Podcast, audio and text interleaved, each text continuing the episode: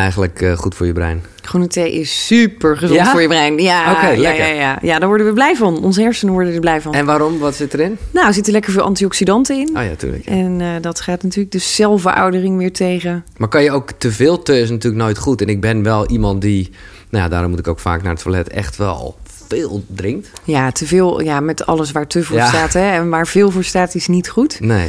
Dus zeker ehm, te veel. Ja, te- ja, die is top. En tequila. Ehm, te veel eh, antioxidanten is, dat kan ook weer toxisch gaan werken. ja, ja, ja, Dus dan slaat het weer om. Dat moeten we niet hebben.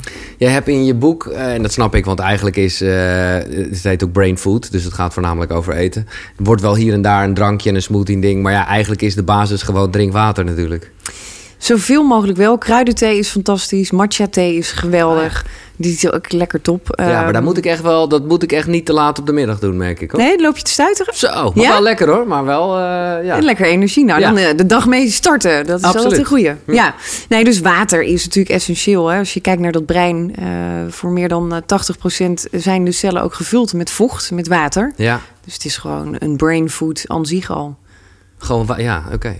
Eh, Charlotte Lebees hier, haar naam is al veel genoemd, dankzij jullie koekeroekies die eh, berichtje stuurden. En ik, eh, ja, ik voel ontzettende connectie met je in een aantal opzichten. In een aantal opzichten ook niet, want ik ben nooit Miss Universe eh, geweest. nou, wie weet wat niet eens kan Je komen. weet het niet, alles kan tegenwoordig. Maar met name in het proces van... En dat was bij jou, ja, zonder eh, daar een ranking in te maken... maar zeg maar dat het, het dieptepunt... dat dat ertoe leidt dat, je, dat er een wereld voor je open gaat... en dat je dat dan met beide handen aangrijpt om er iets mee te doen. En eh, dat vond ik ook mooi om te horen. En ik denk dat je dat ergens nog steeds in je hebt. En dat heb ik zelf ook. Kan er ook bijna niet uit. Dat je vanuit je ouders ook hebt meegekregen.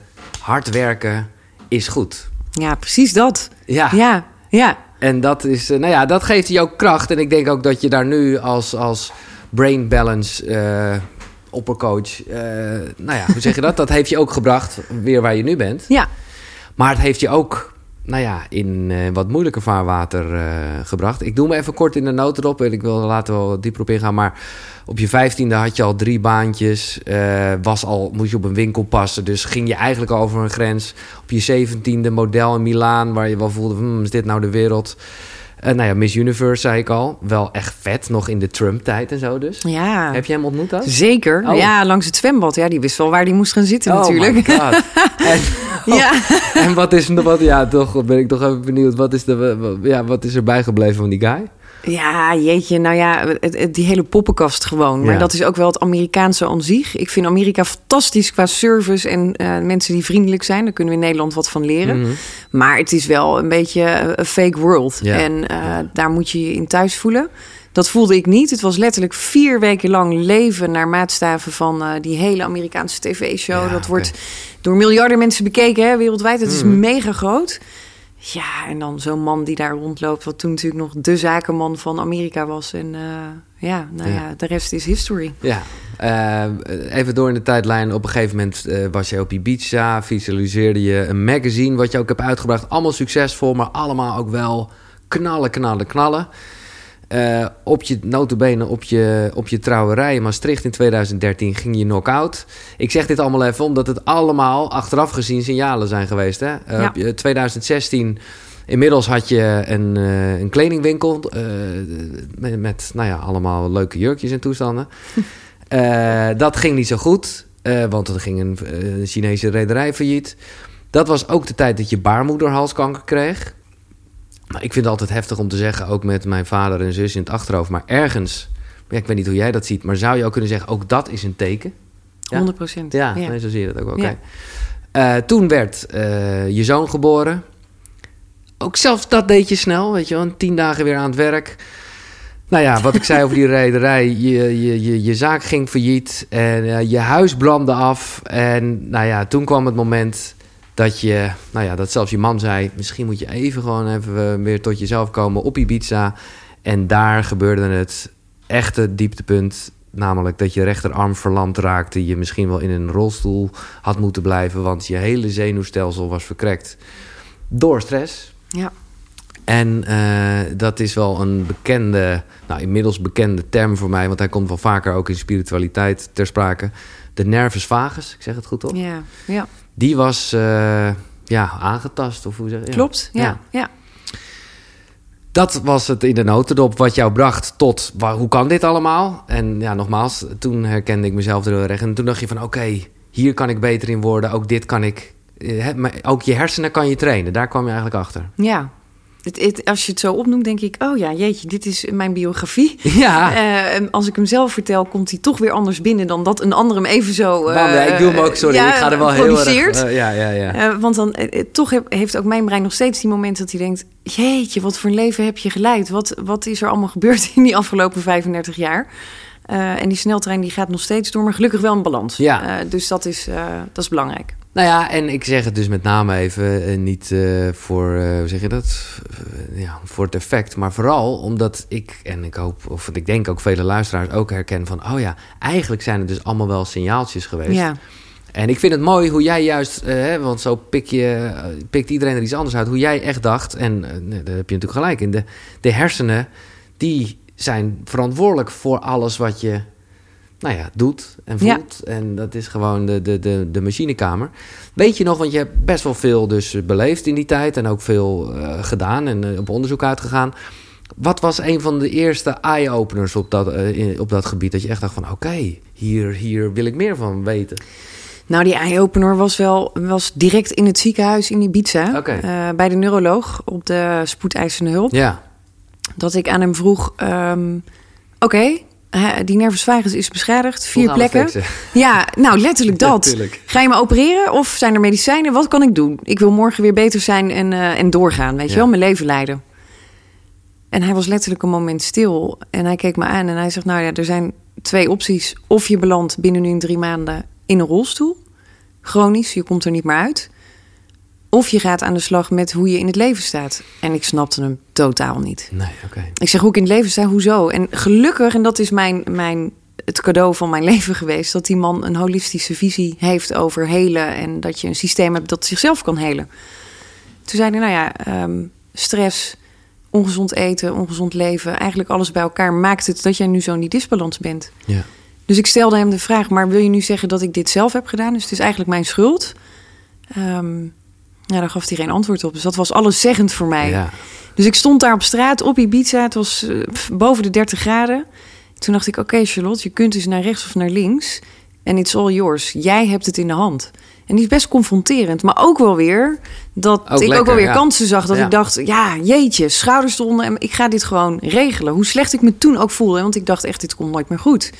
Ik heb ook echt wel momenten gehad dat ik gedacht heb van... ja, is, is dit het dan, het leven? moet, ik, moet ik dit nog 60 Nou ja, jaar doen? als je de optelsom hebt van al die dingen, dan begrijp Ja. ik dat ook wel. Dus ehm, ja, daar startte eigenlijk de reis naar hoe werkt nou eigenlijk mijn menselijk systeem. Ja. En tuurlijk is dat niet meteen, want dat vragen mensen ook wel eens. Ja, maar wist je dan meteen die dag, ik moet met mijn hersenen aan de slag? Nee, dat is ook een proces. Ja. Nou, ik vind het wel mooi dat jij... eh, eh, mindset is ook natuurlijk een, een veel gebruikt iets. En jij zegt eigenlijk... Ja, eerst je hersenen, dan je mindset. Ja. Ja, mindset is eigenlijk, als je het woord vertaalt, hè, dat je je mind vastzet. Je, Mhm. je mindset, je zet je mind vast. En dat is de programmering die wij meekrijgen in het leven. Dat is de programmering van hard werken, schouders eronder niet opgeven. Mhm, exact. ja. Eh, en eh, als je die programmering niet verandert, dan gaat omdenken niet werken. Dan gaat je mindset op een andere manier intunen niet werken. Want je zit gewoon op een totaal ander niveau. Ja, ja, ja. Nee, maar ik vind het mooi omdat... Het is maar net even hoe je het benadert. Ik juist, maar dat is iets anders hoor dan jij zegt. Eh, maar dat ik zelf heel erg dacht... Ja, hersenen, ik moet, juist, ik moet juist minder denken. Ik moet juist meer zijn en meer voelen. Dus eh, ja, dan denk je juist... eh, mijn brein, ik geloof het wel. Ja, maar waar komt je gevoel vandaan? Ja, exact. Exact. Dat is, nee, ja, dat heb ik, ja, dat heb ik ook echt wel van jou geleerd. Jij hebt op een gegeven moment, nou, dat zal jij ook weer ergens in een soort cursus eh, gebracht, eh, gebracht hebben, maar dat gevoel, dat is een optelsom van eerst DNA, dan biochemie, voorprogramma, je archiefkast, de neurotransmitters. En dan pas heb je dat gevoel. Dit gaat allemaal heel snel, neem ik aan. Ja, binnen 0,006 seconden ehm, is dat je onderbewuste systeem. Ja, maar laten we het rijtje even afgaan. Want dan, eh, het is ook gelijk antwoord op de vraag... hoe je, kan je dit dus sturen? En dat is hè, wat jij juist dus zegt. En, en dat vind ik ook een fijne gedachte. Ja, Je kan, je kan je hersenen aanpassen. Iedereen. Ja, Zo gaaf. ja dat is toch. Ja, dat is echt, maar dat is wel wat de neurowetenschap ons leert. Hè? En, en laatst zei iemand in een training: Ja, maar eh, jij doet alsof de wetenschap een soort snoepwinkel is. Ja, Ja. 100 procent. Ja, ja, Loop er doorheen en nog eens een keer. En haal uit de kasten wat je voor jezelf kunt toepassen. Want de wetenschap is voor iedereen, hè? Ja, zo is het. Ehm, voor de wereld, alleen we gebruiken het niet. Al heb ik ook wel eens gehoord, zeker met betrekking tot hersenen, dat we ook relatief weinig weten. Heel weinig. Nee, precies. Ja, heel weinig. dat zeg jij Ja. ook. Dus, dus, eh, kijk, Dus de winkel dat- is nog veel groter, maar Ach, goed. Ja, die, ja, ja. die winkel is een soort van heel shopping, shoppingmall, maar maal tien. En we hebben nog maar één winkeltje ontdekt. Maar het is wat we in de afgelopen 15 jaar, en ik zeg we, maar de neurowetenschappers Mhm. over de hele wereld, dat is al zoveel meer dan wat we ooit in die miljoenen jaren wisten. Alleen we doen er niks mee. Nee. En dat toepassen, wat iedereen kan, is zo gaaf. Ja. Laten we even de stappen afgaan. Kijk, want DNA, dat is nou net iets waar je, daar kan je niet veranderen, toch? Nee, DNA kun je niet veranderen. Toevallig zit ik nu eh, midden in mijn studie epigenetica. Oké, ja, dus dat is eh, eh, de nieuwste wetenschap over Ja. DNA en hoe je genen werken. En, ehm, Nou, want ik zeg dit nu. Ik weet wel dat er... ehm, God, hoe heet het nou? Ik heb er een boek van... nou, maakt niet zo uit.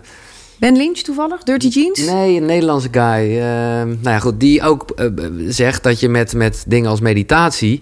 wel degelijk je DNA kan veranderen. Beïnvloeden. Ja. ja, kijk, echt, echt veranderen. eh, volgens mij zijn we zover nog niet. Hè. Er, er- Nee. er zijn hele baanbrekende eh, ja, doorbraken over van nou, hoe kunnen we genen gaan aanpassen en hoe doen we die DNA-strengen als iemand een ernstige afwijking Ah, heeft, dat we die toch weer gezond kunnen maken. Dus dat is ook heel mooi. Ergens Ja. ook wel weer heel spannend. Ja, Dat ik denk, ja, wel... eh, Moeten we altijd iedereen gezond houden? Hè? dat is echt de vraag ding, van hoe, hoe werkt die natuur? Hè? Dat zitten we ook best wel in de weg. Ehm, maar die epigenetica, dan, dat vind ik zo machtig interessant. We gaan meteen best wel de diepte in, maar ik denk dat, dat iedereen dit heel cool vindt. Is dat ook al heb je verkeerde genen, ehm, betekent niet dat jij ziek hoeft te worden. Maar is het wel jouw hele lifestyle, alles wat er om jou heen gebeurt, die letterlijk op de rode button drukken? Ja, dus let daarop, pas dat aan, neem bepaalde stoffen of doe bepaalde dingen. Ja, en dat is zo indrukwekkend. En dat heb ik zelf ook gerealiseerd toen ik zelf baarmoederhalskanker had. Dat ik dacht, wauw, is dit dan inderdaad ja, door mijn lifestyle zo ontwikkeld? En dat is natuurlijk best Ja. ja. eh, een, een ding om te zeggen. Omdat vaak mensen als ze ernstig ziek zijn natuurlijk ook wel... is niet leuk om te horen. Ja, misschien komt het wel door jezelf. Nee. Want je doet dat niet bewust zelf. Nee. Maar ja, ja, ja, ik, ik ook hoor, nogmaals. Ik vind dat ook heftig om te zeggen, omdat ik daarmee dus eigenlijk ook zeg eh, over mijn vader en mijn zus. Ja, die hebben het er zelf naar gemaakt. Nou ja, zo hard. Nee, ja, zo bedoelen we dat niet natuurlijk. Nee, nee. Maar ik voel wel alles dat, dat stress, dat dingen opkroppen, dat, ja, dat moet toch ergens naartoe. Dat is het. En als we kijken naar die oervolkeren, hè, die Indianenstammen, de Ja. Eskimo's. Daar zijn al die westerse ziektebeelden niet. Ze kennen geen depressies, geen burn-outs, maar Nee. ook geen kankers. Nee. denk ik, ja, wat kunnen we daar nou allemaal van leren? Zo ontzettend veel. Oké, dus zelf stap 1, DNA. Maar goed, dat is in de kinderschoenen. Daar, eh, ja, zit je daar, daar kunnen we veel van leren Ja. Dan, dan stap 2, biochemie. ja. Nou, het is letterlijk de connectie van de ene cel naar de andere cel.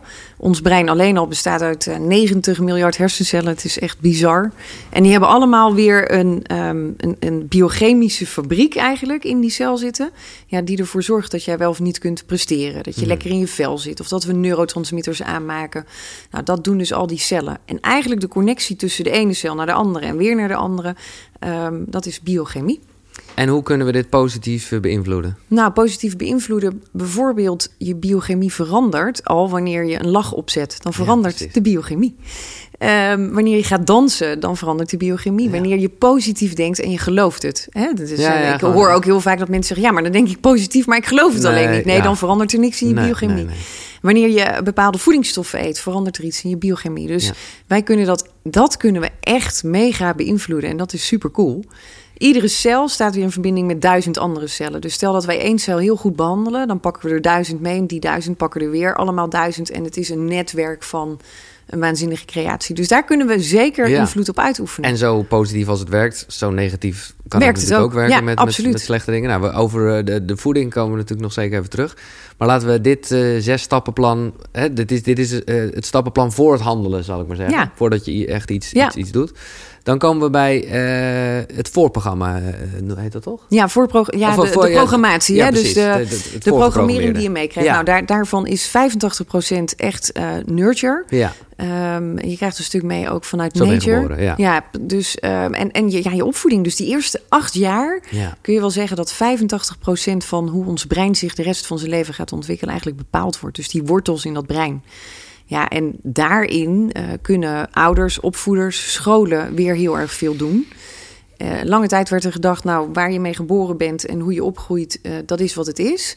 Maar inmiddels weten we dat middels neuroplasticiteit, verandering van je brein, hè, dat je brein kan aanpassen en veranderen in welke situatie dan ook, dat we het op latere leeftijd echt weer kunnen aanpassen. Het is Wordt niet het wel- altijd makkelijk, maar het nee, kan ik wil wel. zeggen, want ik bedoel, als je 80 bent, It's never too late. het is never too late. Nee, ik Nou, had, ja. eh, ik had ehm, dat is inmiddels alweer een jaar geleden, een dame van eh 84 bij mij in de zaal, mijn eh, oudste deelnemster. Ja, En ik heb online iemand van eh 88 gehad, ook Lekker. een dame. ja. En die zei: Jeetje, maar nu snap ik pas waar mijn angsten en onzekerheden vandaan komen. En, uit die eh, eerste jaren. uit die eerste jaren. waarschijnlijk. Ja, ja, ja. ehm, eh, opgegroeid in een kindertehuis. eh, nooit het idee gehad dat ze goed genoeg was. Want was gedumpt door haar ouders, was haar gevoel. En eh, ze kon het in één keer nu pas Ja. eh, een beetje de puzzel gaan leggen. Nou ja, laat ik dan gelijk even toch even naar de voeding gaan. Dat vond ik namelijk echt tof in eh, jouw Brain Food boek. Dat gaat over waardelabels. En dat zijn dus ook een beetje, nou ja, zou kunnen zeggen, voorgeprogrammeerde dingen. Waarbij je denkt, oh ja, eten moet lekker zijn. Ja. ja. Ja, dat is wel. En, en ik heb daar nog nooit over nagedacht. En ik dacht inderdaad, ja, waarom, waarom hebben we überhaupt, waarom denken we dat? Ja, dat is heel raar. Als we die zouden veranderen, dan Ja. zou meteen al het lekker eten verdwijnen. Want dan is de functie van voeding eigenlijk wat die is. Ja, maar ik heb dus Eh. andersom, daarom vond ik het een leuke. Dacht ik, ik heb dus heel vaak als dingen niet zo lekker zijn, dan, dan, dan geeft het me juist een soort kick. Want dan denk ik, nou, dat zal, en dat weet ik dan ook, dat het wel goede dingen zijn. Ja, Dus dan, dan dat- ja, ik weet niet, dat vind, dat vind ik bijna makkelijker dan. Want dan denk ik, nou, dit is wel echt gezond. ja, ja dus ik neem het. Maar oké, Dus, dan ja. is jouw bewustwording al dat het gezond is. Dus het doet iets voor Nee, je. ja, exact. Eh, En een grote groep eh, eet nog gewoon dat wat hij lekker vindt. Hè? De witte boterham met hagelslag en dan het liefst zes. Ja, waar je, je brein, maar ook de rest van je systeem niet Ja. gelukkig van wordt. Maar dat is, ik hoop dat eh, we deze nu allemaal inplanten bij iedereen die dit hoort en ziet. Eten hoeft helemaal niet lekker te zijn. Nee, er zit een functie achter. Ja, laat En als eten we goed zeggen zijn van, voor je, voor ja, je lichaam. precies, van Ja. oké, maar waarvoor is voeding er? Om mij gezond te houden, zodat mijn brein kan werken. Dat is de intentie. Dat is, daarvoor is voeding. Het is Ja. gewoon, het is informatie. Iedere Ja. voedingsbron bevat informatie. En wat zo leuk is, als je dus dit op jonge leeftijd meekrijgt, dan neem je dat de rest van je leven mee. Mijn zoontje is bijna Ja. vijf. Ja. Die heb ik echt al vanaf dat hij één is, een soort van gebrainwashed, hè, op een leuke manier. ik zie hem ook wel als ehm, een mooi experiment, hè, om te zien van als je dus op jonge leeftijd Ja. hiermee begint. Hij is mijn voorbeeld van hoe het kan zijn voor iedereen. En Omdat hij, zegt gewoon heel erg weet van eh, eten is voedingsstof voor ja, je. Ja. Hij, zegt, hij zegt wel eens van... oh mam, dit ziet er niet zo lekker uit... maar het is vast heel erg goed voor je hersenen... dus dan Ja. eet ik het. En Ja. dan eet hij het op en zegt hij... nou, grappig hè mama, mijn brein vindt het eigenlijk toch best wel lekker. Dus die is al heel erg in dat brein aan het praten. En hij zegt ook tegen kinderen op verjaardagen... van ga je dat eten... Daar zit suiker in. Weet je wel dat je brein daar ziek van wordt? Dan kun jij straks niet meer klimmen en rennen. Dus ik breng het wel heel erg op die kinderlijke manier. Hè, van Sky, als jij de beste wil zijn in rennen... en als jij heel eh, hoog wil klimmen... en dat vindt hij natuurlijk tof als een jongen... ja, dan zijn suikers niet echt heel erg handig. Nee. Dus Heeft hij wel veel vriendjes? hij heeft heel veel vriendjes. Ja, ja. ja. sommige vriendjes vinden het heel raar dat wij geen chocomel en Nee. frisdrank hebben... en dat snoep bij ons gewoon gedroogd fruit is. Ja, fantastisch. Eh, maar ook dat is een programmering. Ja. Sky weet niet beter. En hij wil inmiddels ook eh, eh, tot nu toe niet anders. Hè? Dus Nee. ik weet niet hoe het over Nee, vijf ik wil jaar is. zeggen, de kans zit er wel in. Dat is natuurlijk wel het bekende patroon dat er ook even een leeftijd komt. ja, Dat hij Mag zich moet zijn. afzetten. En dan gaat hij elke dag naar de Mac waarschijnlijk. Maar ja. goed. ja, tegen die tijd bestaat dat misschien niet meer. Nee, dat, laten we dat hopen. ja. Oké, mooi, mooi, mooi. Ehm, dus dat is het voorgeprogrammeerde. En dan heb je de archiefkast. Ja, de archiefkast. Ja, die is superleuk. We hebben... Want die kan je, die, die is wat die is, toch? Ja, die is gevuld. Er staat hier zo'n geweldige kast achter jou. Ja. Nou, daar staat van alles in, hè, maar je kunt het er ook uithalen en er iets nieuws in plaatsen. En dat Ja. kun je met die archiefkast doen. En dat is herprogrammeren. Ja. Maar als we daar niks mee doen en we laten dit staan, dan blijft dit gewoon hoe jouw referentiekader is Ja. voor de wereld. Dus dat, is ook een beetje kader. eten moet lekker zijn, staat eigenlijk in die Die archiefkast. staat in die archiefkast. dat- ik dat- moet op tijd komen. Ja, Eh, ja, sorry dat ik straks wat te laat was. Nee. Dat is ook voor veel mensen een programmering en daardoor meteen hoog in de stress. Is ook zoiets. Je moet je bordje leeg eten. Eh, nou, en, en, en wat wij delen, eh, hard werken is goed. die, ja. Ja, Die is, uh, nou ja, en dat is ook vanuit de beste bedoelingen hebben we dat alle twee van ons vader geleerd. En, Ja. en hebben ze dat voorbeeld gegeven. Maar het zorgt er wel voor dat je heel erg achter jezelf aan kan rennen. eh, nou ja, omdat het dus dan nooit goed genoeg is. Nee.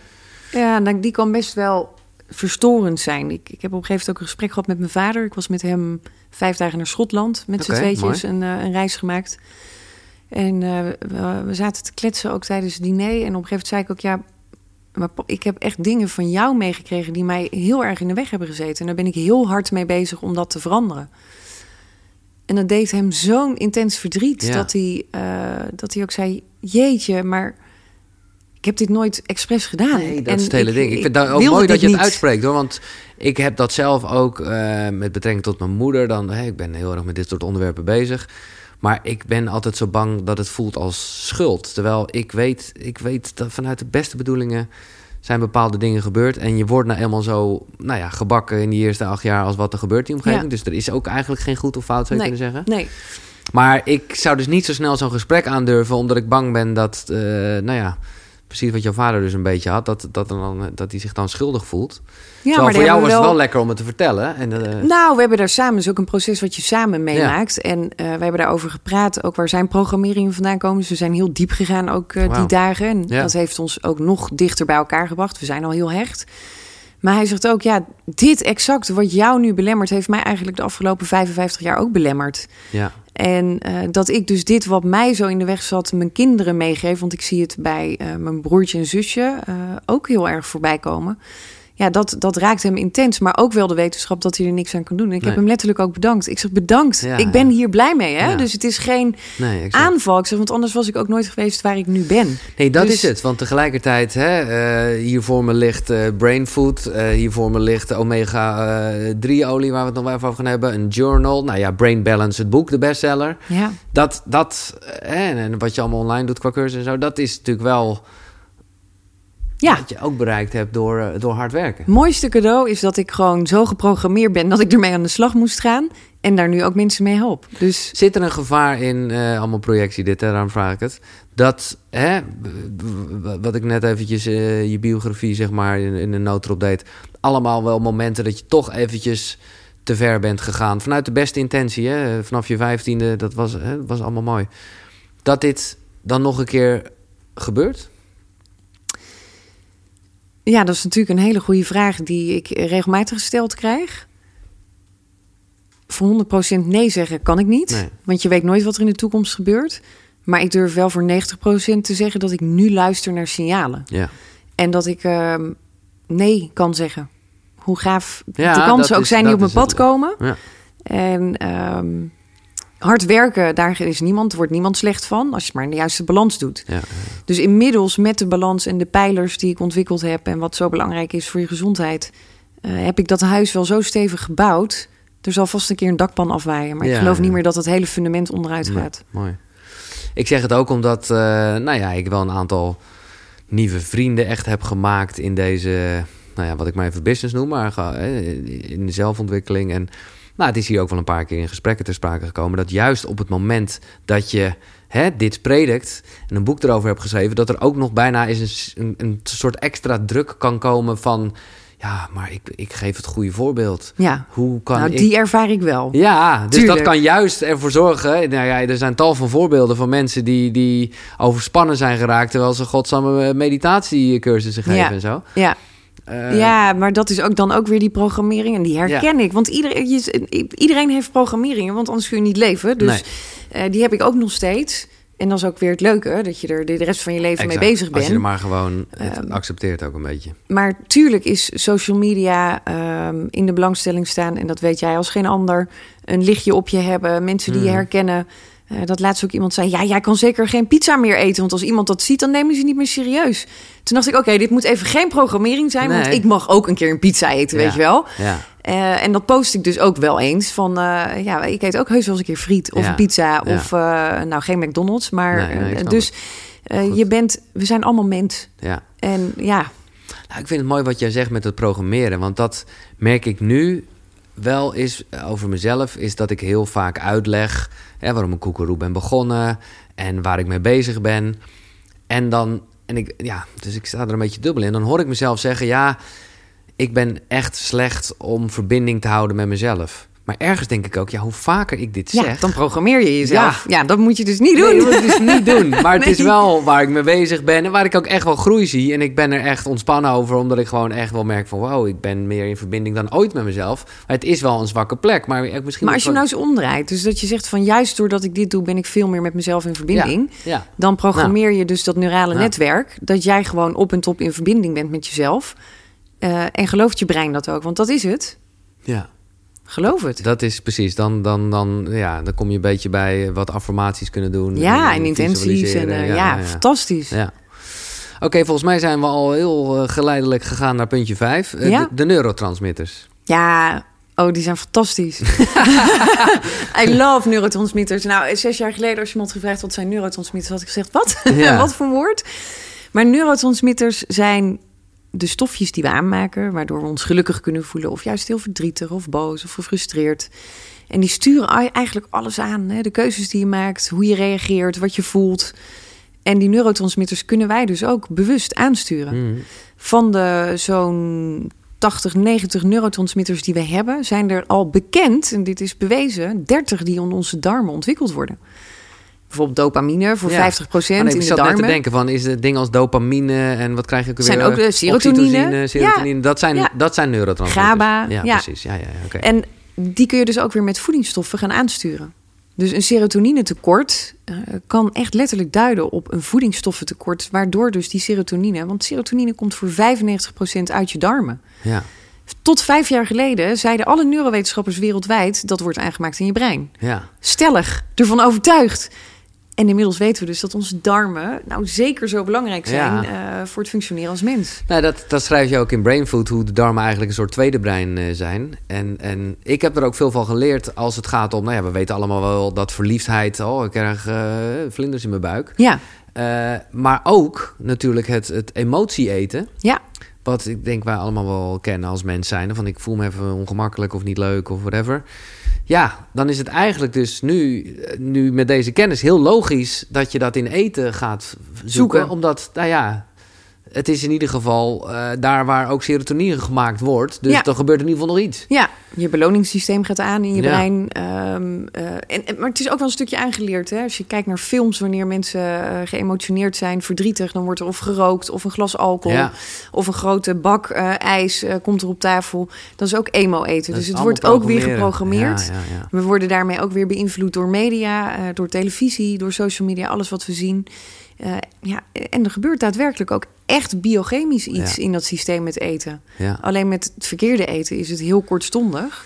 En heb je tien minuten even dat happiness gevoel, stort je in en heb je nog meer nodig. Nog, en dan krijg je je die pieken en dalen in Ja. je bloedsuikerspiegel. En dat kan best wel gevaarlijk zijn op den duur voor je breingezondheid. Ik vind het mooi dat je alcohol eventjes eh, snel noemt. Want dat is inderdaad ook wel een wijs marketingverhaal. Waarbij mensen dus ook inderdaad geprogrammeerd hebben. Nee, dan voel ik, word ik losser en dan voel ik me fijner. En eh, Ja, dat is, eh, dat kan je ook, als je dat nou gewoon zegt dat je dat van groene thee krijgt, dan eh, top. Nou ja, het, het gebeurt natuurlijk wel. Met alcohol leg je wel een bepaald ge- gedeelte ook wel in je brein een soort van eventjes stil. Hè? Dus je, Ah ja, je, wel voelt niet, eh, je, of je voelt niet anders. Je Mhm. hoeft even niet meer aan de zorgen te denken. Nee. Alleen wat we niet beseffen is door alcohol te drinken, ehm, zetten we een, een proces aan wat eigenlijk daarna, dus de dag later, tien keer erger is dan eigenlijk de dag ervoor, voordat je dat glas alcohol drinkt. Ik ken het heel erg, maar dat zal hetzelfde effect hebben van, eh, nou ja, eventjes je gevoel uitzetten met, met blowen. Waar Ja. precies wat je zegt, dat je, nou oké, je voelt even niet meer, dus die onrust is er niet meer. Maar ja, eigenlijk graaf je de kuil dieper, zou je kunnen zeggen, elke keer dat je dat doet. Ja, Ik heb daar eigenlijk in jouw verhaal niet zoveel over gelezen.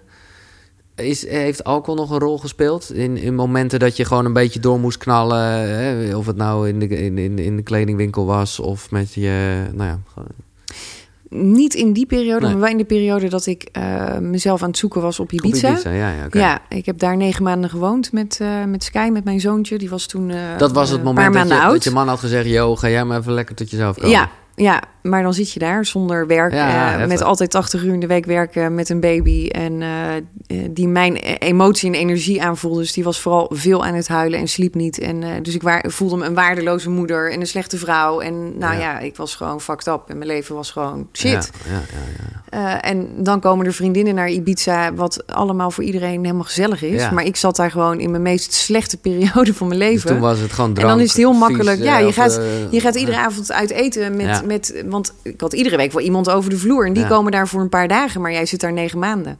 En op een gegeven moment dacht ik, toen zat ik een, een glas wijn te drinken. Het is niet dat ik. Ik ik ben altijd heel erg.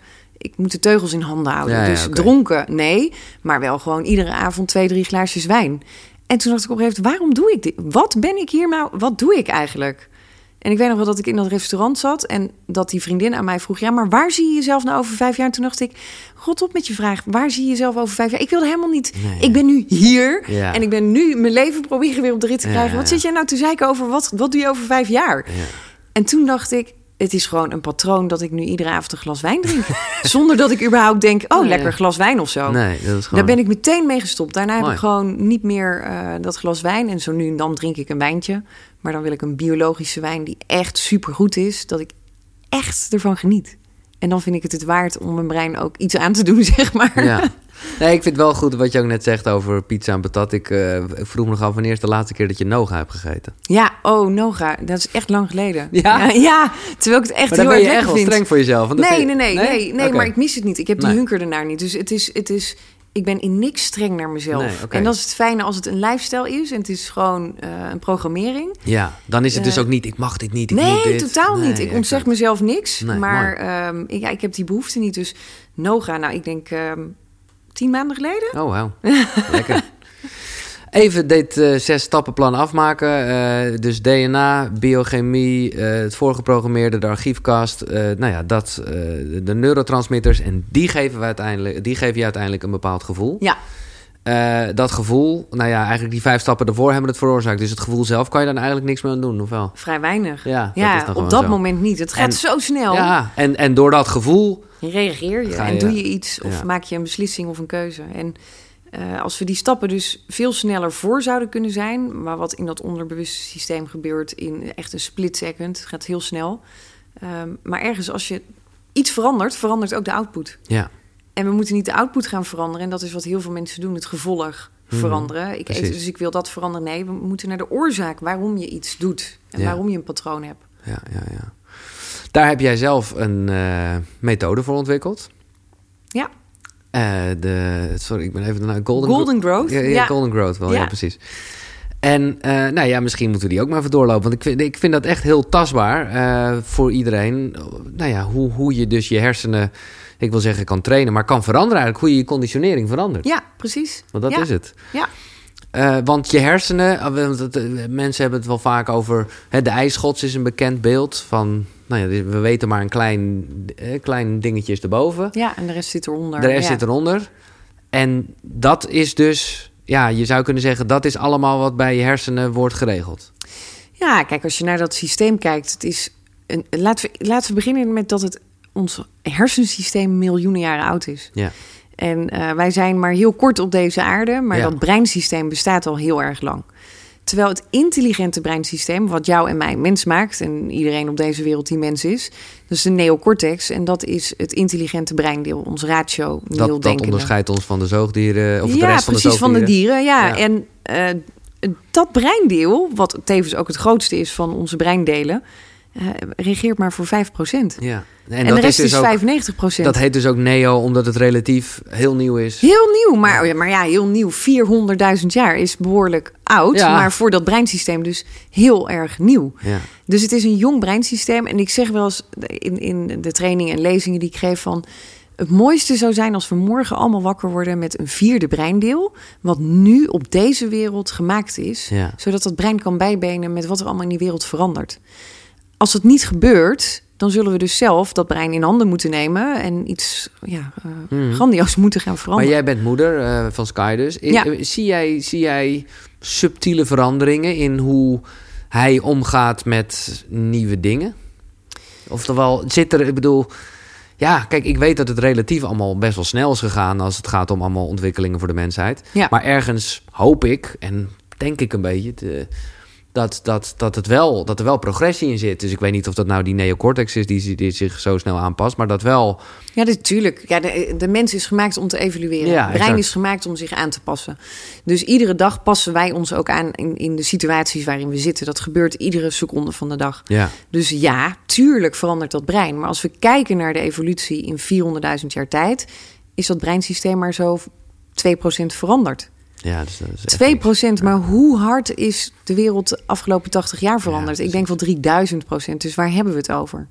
Tuurlijk is het zo, en dat is het hele mooie verschil tussen eh, de generatie van mijn ouders en de generatie van mijn kind. Er zitten een aantal generaties tussen, maar dat Sky heel makkelijk met dataverwerking omgaat. Als je het hebt over telefoons en iPads en televisie. En heel wijs is al. Hè? De, dat, nou, toen ik vier was, eh, was ik daar echt totaal niet mee bezig.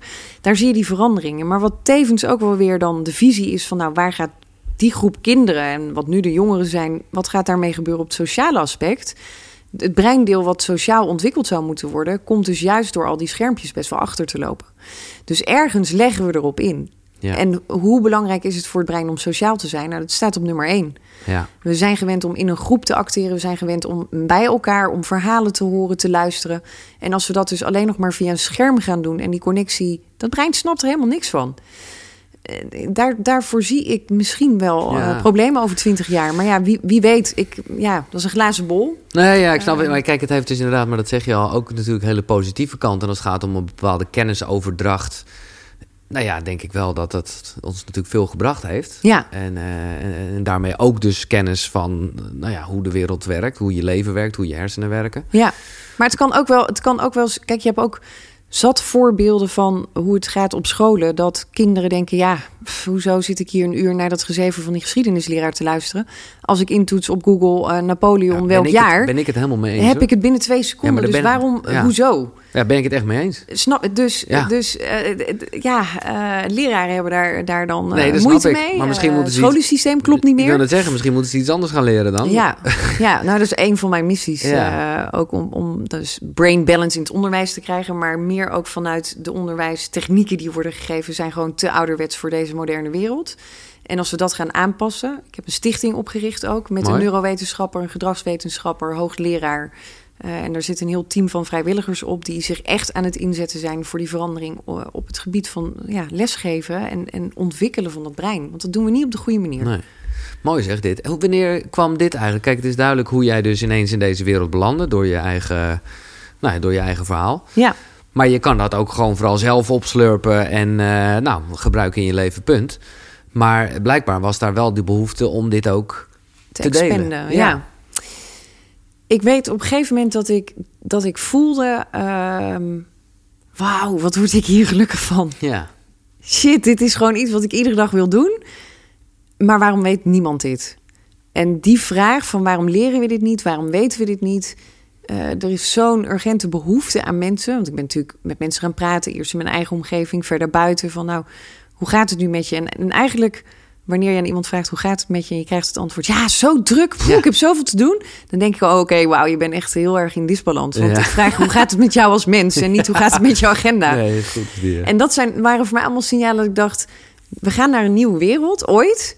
Ik had niet verwacht dat die zo snel zou komen. Maar ehm, ja, dit is denk ik wat de mensheid nodig Ja. heeft. En toen zei ik tegen mijn man van... ik vind dit zo cool. Ik zou er het liefst lezingen over willen geven... om mijn verhaal te delen, kennis te delen die ik opdoe. En toen zei hij, nou, waarom doe je dat niet? Bam. Ja, en eerst heb je dan ook nog wel gedachten van... ja, wie zit er nou op mij te wachten? Ja, en eh, is die behoefte er wel? Maar toen toch gestart met de eerste lezingen geven. En mijn eerste lezing, dat was in Rotterdam, had ik 100 man in de zaal. Nou, En toen had ik het- aanzienlijk, vind ik eigenlijk. Ja, ja, het was allemaal gratis. Hè? Dus het eerste jaar heb ik Ja, alles gratis gedaan ja, om vliegenuren te maken en te Goed. leren. En te kijken van, nou, wat zijn de signalen vanuit de, de mensheid die bij mij in de zaal zit? Wat zoeken ze? Ja, en je ontwikkelt jezelf. Ja. Ik bedoel, ja, toen dacht ik het wel te weten. Maar nu weet ik dat ik toen helemaal niks wist. en Nee, dat ik nog steeds eigenlijk niks Ik weet. wil zeggen, zo groeit dat door. Ja. En zo, zo zoetjes aan heb je dus dan, tenminste neem ik aan, kwam ook het boek en, en, en de methode. Ja, dan word je op een gegeven moment wakker en dan denk je... hé, hey, zou, ik- zou ik een boek gaan schrijven? Ja. En dan zegt je hele omgeving, je bent gek. Een boek schrijven, niemand zit erop te wachten. En eh, ja, je gaat Allemaal geen euro verdienen. Gedachten, Allemaal ja. weer die programmeringen. En Ja. toen zei ik, joh, al zijn er maar 100 mensen die het lezen, dan is het toch prima. Dan help ik 100 mensen. Ja. Nou, dat was binnen een week een bestseller. Inmiddels van die 25.000 stuks. Ik denk Lekker, nu 28.000 stuks verkocht. Ja. Ehm, ja, en dat geeft alleen maar aan dat er dus echt een behoefte aan is. Ja, dat geeft het aan. Ja. We gaan, eh, ik bedoel, mensen moeten vooral het boek lezen als ze hierin geïnteresseerd zijn. En ik denk dat iedereen dat is. Maar laten we even de zes stappen, want dat is het. Een Ja. zes stappenplan, de Golden Growth eh, Model. Ja, Eh, stap 1, durf te dromen. ja. Wanneer we geen dromen hebben of we durven niet te dromen, vooral die belemmeringen, Mhm. wat ik net ook zei, van ja, nee, maar er zijn al zoveel mensen die boeken brengen. En je laat je daardoor remmen, dan kun je nooit het leven leiden wat je echt wil. Dus groots ook. Groots denken. Ja. Hoe groter, hoe beter. Hoe, hoe meer in kleuren, details, geuren. Visualiseren. Visualiseren. ja, ja. Je zet letterlijk daarmee je breinsysteem aan. Eh, en je stuurt je brein eigenlijk wel op weg daar naartoe waar je naartoe gaat. Dus je kunt wel heel bewust aansturen. Ik, ik geloof heel erg in de kracht van visualiseren. Want dat is gewoon je gedachten sturen. Dat Ja. is het mooie woord ervoor. Ja, exact. Eh, sommige mensen vinden het spiritueel of zweverig. Maar dan zeg ik, nou, je doet het 60.000 keer per dag. Ieder mens doet Iets dit. voorstellen, ja. Ehm, alleen je kunt er bewuster mee omgaan. Dus dat is een hele belangrijke stap. Eh, ja, als je daarmee begint, wat ook echt wel een flinke training op zich al is, Ja. dan begin je daar eigenlijk al met het stukje herprogrammeren van je brein. Ja, ja, ja. ja, de grap is dus, als ik naar mijn eigen verhaal kijk, heb ik dit altijd al gedaan. Ik noemde het fantaseren vroeger. Ja, Omdat dan ging ik heerlijk fantaseren. Vond ik ook echt fijn. Eh dacht ik, oh, ik ga weer even lekker fantaseren. als, Hoe- als jong kind, al, ja, als kind al. Hoe, Ja, bij de precies. hoe ik bij de radio ga werken. ja, ja, ja, Dus oh, ja heb dat ik- had je al van jongs af aan. Had ik al van jongs af aan. Dus dat ben ik heel erg... Nou ja, nu noem ik het visualiseren. Maar dat, dat heb ik echt... En echt letterlijk beelden... eh, nou ja, die later min of meer op die manier ook zijn uitgekomen. Ja, vet. Ja, dat is echt... Nou, ik deed als jong kind ook, maar ik denk dat mijn brein toen niet werkte, want ik visualiseerde mezelf als dierenarts of als advocaat. Dus ja, ja, ja, oké. ergens is daar dan in mijn brein wel iets misgegaan, denk ik. Ja, nou ja, mensen Ehm, helpen in ieder geval. Ja, dat wel. Ja, ja. Eh, Oké, dan is eh, stap 2 is... eh, nou ja, dat heb je eigenlijk al een beetje gezegd. Angsten. Dus je niet laten belemmeren door angst. Ja, we zijn allemaal geprogrammeerd met angst. Dat Ja. is ook ons breinsysteem, super belangrijk. Ja. Zorgt er ook voor dat we niet zomaar onder een trein lopen of van een eh, gebouw afspringen als dat eh, niet zo gepland is. Ehm, maar we zijn ook wel heel erg geprogrammeerd met angsten. En dat zie je al meteen eh, bij, bij moeders hè, in de speeltuin of vaders. Pas op dat je er niet vanaf valt. Jij zegt, laat maar doe voorzichtig. Ja, Ja. want door fouten te maken leer je.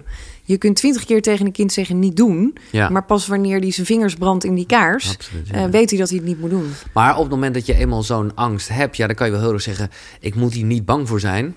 Maar ja, dan, dan duw je het eigenlijk weg. En heb ik eh, eigenlijk de indruk dat het dan niet heel erg verandert. Nee, nee, dus je moet dat proces veranderen. Hè? Dus je moet weten van waar komt die angst nu vandaan. Ja, exact. ja. Ik ben echt mega eh, fobisch geweest voor spinnen. Oh, echt? Maar mega bizar. Oh. Zelfs bijna gewoon een keer een auto-ongeluk omdat er zo'n spinnetje naar beneden Ja, ja, kwam. Dat ja, ik echt gewoon op de vluchtstrook eruit ben gegaan. Oh. Ehm, dus dus eh, dat heb ik geherprogrammeerd. Ik pak nu spinnen, omdat ik dacht... ja, maar ik geef dit Sky... en ik vind het al 25 jaar super irritant. Mhm. Dus ik herprogrammeer En hoe heb je dat gedaan? Echt zelf of hypnoseachtige dingen? Nee, echt zelf. Ik heb eh, op een gegeven moment, dat was in, in een van mijn trainingen die ik volgde, hadden ze een vogelspin. En ehm, ga er maar mee aan de slag. Bam, en jij dacht ik en toen dacht ik, eh, wauw, nou je ziet, ik heb ook die foto's dat je, dat je me eerst helemaal dat bekje gespannen ziet van, wat fuck, wat ga ik doen? Ja, En daarna echt een soort van verlichting van, oh my god, ik sta hier met spin. En ik bracht hem letterlijk naar mijn hart. ja. Dat was een onderbewust proces, dus ik ben daarmee vrienden geworden met die spin. Heel bizar, ook een beetje weird. Ja, maar ik heb daarvoor wel in het proces eh, meerdere keren met dat brein aan de slag gegaan. En die spin veel leuker gemaakt en liever. Ja. En die was niet meer eng. En, wat ik is wist nou waar die vandaan kwam. Wat hè? is nou eigenlijk de angst, hè? Ja. Ja, nou ja, als je moeder eh, twee keer gilt, ah, een spin, dan is dat brein van de kinderen al geprogrammeerd. En als Ja. je dan ook nog eens die film ziet, volgens mij is dat arachnophobia. Ja, ja, eh, ja. Oh ja. ja, dan ben je helemaal klaar, toch? Ja, ja, ik zeggen, krijg- daar krijg ik ook weer kriebels van als je dat nu zegt. Net zoals Jules. Ja. Jules, ik dacht toen echt, toen ik Jules had gezien... Nou, toen was ik denk ik acht of negen, In bij een vriendinnetje. Was er een, Nee, de, oh. de, de wc. Zij Oh. zei toen van, oh, ik ben bij de wc, maar het is net de, klep, de, de bek van Jules. Ik durfde dus niet meer naar de wc. Nou, zo snel kun je een brein programmeren. Ja, ja, ja. Kan je, eh, ja, dat is nog wel even een punt. eh, want ja, negativiteit, en dat vind ik echt jammer om te constateren, maar dat, ik snap wel hoe het werkt vanuit een soort angst, vanuit een soort bescherming. Die, nou ja, dat weten we allemaal, dat heeft altijd veel meer impact Ja. dan, dan eh, nou ja, iets positiefs. Ja. Nou, mooi weet je, dat is echt dat biochemische, biologische systeem... dat we drie keer sneller negatief reageren dan positief. Dat vind ik wel echt verkrekt Maar, eigenlijk. maar, ho, Ja, wacht, want er zit nog een aanvulling aan. Dit is wanneer je in balans bent. En wanneer je dus gestrest bent, Is het nog, eh, eh, kan het na twintig keer. Ja. Dan loopt hij dus op naar twintig keer intenser. En daarom zie je mensen die veel stress hebben... ehm, of die op, eh, op een punt in hun leven komen dat het niet meer zo heel erg leuk is... dat eigenlijk alles ook gewoon slecht is. En ik herken dat in mijn eigen processen. Dat je op een gegeven moment ook, zelfs van de leuke dingen die normaal leuk waren... dat dat, dat ook allemaal niet meer goed is. Nee. Ja, dat gebeurt dus in dat brein. Maar dan is het toch, ik bedoel, ik eh, ben heel eh, positief over dit leven. En ik vind het machtig mooi hoe we zijn. Maar ergens vind ik dit, ja, ik snap het. Hè, vanuit een eh, overlevingsding. Om, om, om, nou ja, gevaar en pijn te vermijden. Ja. Maar we zijn, ja, we zijn wel fucked dus wat dat betreft. ja, je hebt gewoon dat oeroude systeem. Ja, Maar nee, we zijn niet fucked. Je moet het leren aansturen. Je moet gewoon weten van... oh, hé, grappig, daar is hij weer. Maar Ja. hé, hallo, ik leef in eh, anno 2021... en niet meer in eh 1600 dat ik het nodig had. nee. Eh, of in de jaren 1000 voor eh, Christus, weet ik veel, eh, lang geleden. Dus ehm, nee, het is een mooi systeem... maar even op de juiste manier inzetten. Ja, En deze maatschappij is dus niet gebouwd op het brein wat we hebben. Ja, dat is wel vervelend. nee, ja, of juist wel. In de zin van dat het er misbruik van maakt. Als ik even denk aan mijn telefoon die ik in mijn rechterooghoek zie liggen. Ja, Eh, dan dat, dat is, ja, die gaat daar, die, die heeft daar natuurlijk heel erg hè, programmering van al die apps. Tuurlijk. Die daar Steve goed- Jobs heeft gezegd: Mijn kinderen krijgen voordat ze volwassen zijn geen, eh, geen iPad of telefoon. Nee. Al die Nee. CEO's en, en hoge pieven in, in het bedrijf van Apple. Die kids krijgen gewoon geen telefoons. En dat zegt volgens mij al genoeg. Nee, dat zeg ik. Maar het is gewoon goed om te constateren, inderdaad, we zijn niet fucked. Maar het is wel, als het gaat om dat je brein ergens in de basis, nou ja, ook in, in, in beweging, hè, eh, in de basis blijven we liever zitten, eten Ja. we liever veel vet en eh, dingen, om, om, om vanuit een soort, nou dan heb je het vast of ja, zo. ja, verzamelen, ja. Maar ik goed, weet ook niet hoe lang wij nu inmiddels zitten, maar eigenlijk moet je ieder half uur even bewegen. Want ja, anders Oké, dan nou dan je doen meteen... we even. Ik, ik moet zeggen, dit, je, je, dit is koor op mijn molen. Eh, ik doe even een kleine plaspauze. Oké, helemaal goed. dan ga ik ook even bewegen, want bewegen is belangrijk. Nou, wat ik net nog even bedacht, eh, terwijl ik stond te plassen. Fijn, beste momenten. Ja, dat, zijn- dat zijn mooie momenten. Is dat het dus ook heel positief is. Dat is al een keer gezegd, maar vind ik dan nog een keer goed om te benaderen. Is die, die, die hoe noem je dat, plasticiteit? Eh, Ja, fantastisch. Dus, dus we kunnen... dat is zo vet. Ja, Iedereen kan gewoon zijn hersenen veranderen. En Exact. ik zeg gewoon, eh, hè, dat, dat is natuurlijk in nuance, want het is echt niet altijd even makkelijk. Het is een Nee. lifetime proces. Eh, mijn advies is ook altijd iedere dag ermee bezig zijn. Dat gaat het verschil maken. En niet denken, oh, ik lees één keer dat boek en ik kijk twee keer een Nee. video en een podcast en ik ben er. Eh, dan kom je van een koude kermis thuis en dat valt tegen. nee, de shortcuts bestaan niet. Nee, Dat niet. is, eh, Quick nee. fixes zijn Nee. er gewoon niet. Nee, dus. Maar goed, je hersenen zijn dus eigenlijk om pijn en, en dat soort dingen te vermijden. Maar goed, ze zijn wel ook hungry naar, naar nieuwe dingen leren. ja, Dus ja. dat, is, dat is dan wel weer het positieve ervan. En, nou ja, oh, eh, dat zei je net even. eh, bewegen is dus ook daar een essentieel ding voor die neuroplasticiteit. Mega belangrijk. Ja? Dat is, want wanneer je gaat bewegen, dat is zo leuk wat er dan gebeurt in je brein. Er gebeurt heel veel namelijk. Het is een soort van magische eh, eh, reactie die je krijgt. Is dat wanneer je gaat bewegen, komt er zuurstofrijk bloed in je brein. Nou, dat hebben we nodig. Er zitten ook de voedingsstoffen in. Dus hoe meer die bloeddoorstroming gaat, hoe sterker dat brein is. Tegelijkertijd maken we BDNF aan, Brain Derived Neurotrophic Factor. En dat is eigenlijk eh, een groeihormoon voor ons brein, een soort pokon. Oké. Dus je geeft letterlijk je hersencellen gewoon een boost om te kunnen groeien en ontwikkelen. Wat heel erg fijn is. Nou, en daarnaast maken we wanneer we bewegen veel meer kleine bloedvaten aan in dat brein. En hoe meer kleine bloedvaten, hoe gezonder dat brein is. En hoe langer je ook met een fit brein eh, ja, de rest van je leven in kunt. Dus wel Dus- elke dag eh, even iets doen. Nou, iedere dag, het liefst ieder uur. Kijk, als wij Ja. een uur zitten, dan hebben we een half uur nodig om de schade die dat brein oploopt eigenlijk weer terug te dringen. Eh, daarentegen, als je ieder half uur even vijf minuten beweegt, dan Mhm. blijft dat brein gewoon fris en fruitig. Oké. Dus eh, bewegen is super belangrijk. Je komt dan ook nog eens in je default network. Eh, een mooi en moeilijk woord voor eigenlijk dat het piekeren verdwijnt. Dat je veel meer goede inzichten krijgt, creatief gaat zijn, oplossingsgericht.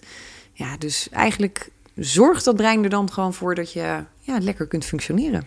Nice. Eh, we zitten midden in jouw eigen eh, Golden Growth eh, model. Ja. Waarbij we durven te dromen, niet belemmeren door angst. En, maar misschien hadden we het hierover. Wees bewust van de basisbehoeften. Ja, die basisbehoeften zijn super belangrijk. Je hebt natuurlijk de psychologische basisbehoeften, die zijn er ook niet voor niks. Wat Dus heb wat- je nu nodig als mens? Oh ja, oké. Eigenlijk gewoon een hele simpele vraag. En dat zit hem niet in een auto, zit hem niet per definitie in een baan. Tuurlijk is een baan heel fijn dat je geld verdient en eten kunt kopen. Maar eh, een sociale omgeving bijvoorbeeld, die stimulerend is voor je. Waarin je ook kunt leren van de mensen om je heen, maar waar je je ook veilig voelt. Hè? Veiligheid, een veilige omgeving is heel belangrijk.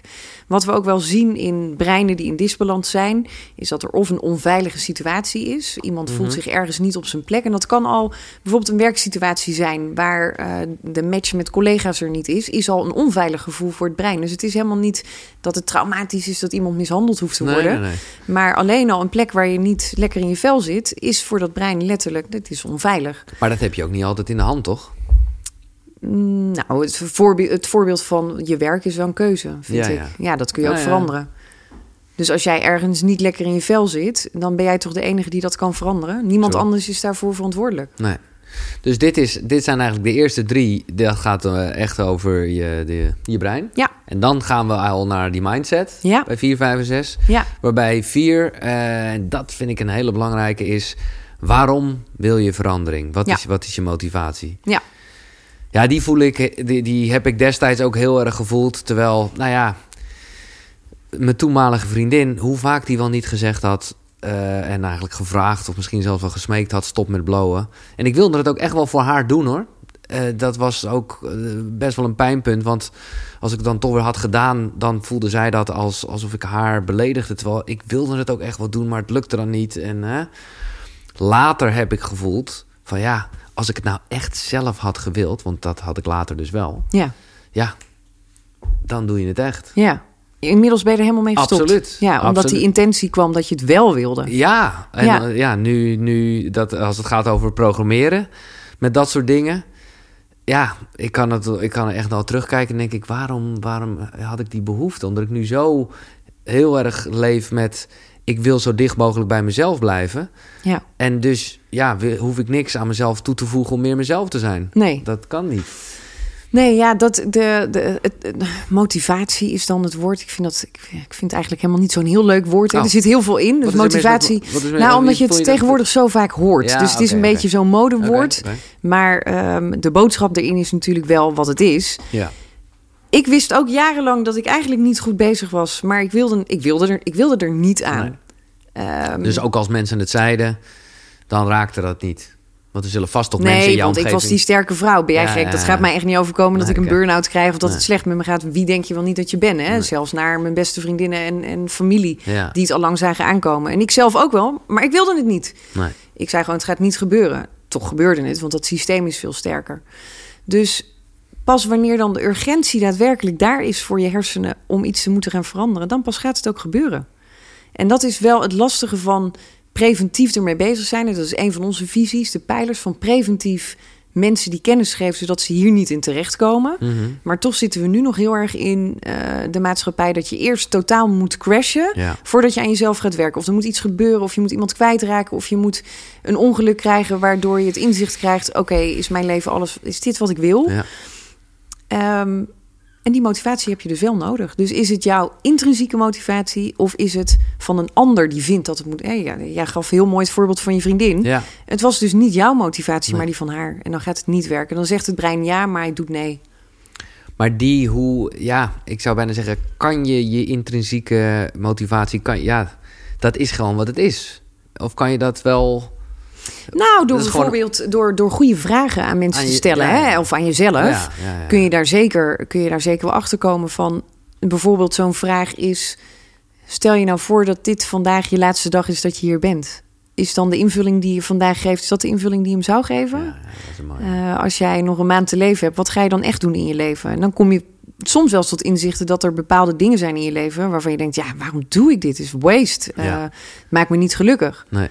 Dan komen we ook bij, bij eh, nou, wat je net zei over werk. Van ja, dan denk je ook van, dan stop ik ermee. Nou, ja, stop er dan mee. Ja, nou ja, de- zo'n onderzoek hè, dat 85% van de mensen die op een sterfbed liggen zeggen: ja, ik heb gewoon niet gedaan wat ik echt wilde. Nee.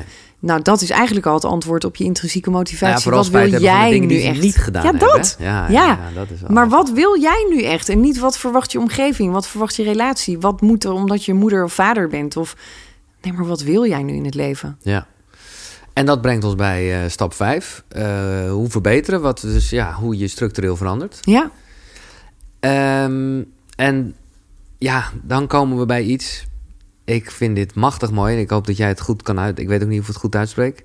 Kaizen? Kaizen? kaizen. Kaizen. Kaizen. Oh, kai, oh, dus het woord zen zit erin. Ja. Oh ja, dat is... eh, Kaizen. Kaizen. Ja, dus dat staat letterlijk kaizen betekent veranderen naar beter. Dus als je verandert, verander dan naar beter en niet naar slechter. Oké, Ehm, en dat... Ja, dan leg even uit. Want dit Ja, is, dit Kaizen is, is, top. echt super cool. En Ja. ik vind eigenlijk nog dat ik er te weinig mee doe, omdat er, er gebeurt ook heel veel. Ehm, eh, maar je ziet het misschien wel, ja, ik word hier ook wel Ja, heel enthousiast gelijk, van. eh, eh, ja. Kaizen.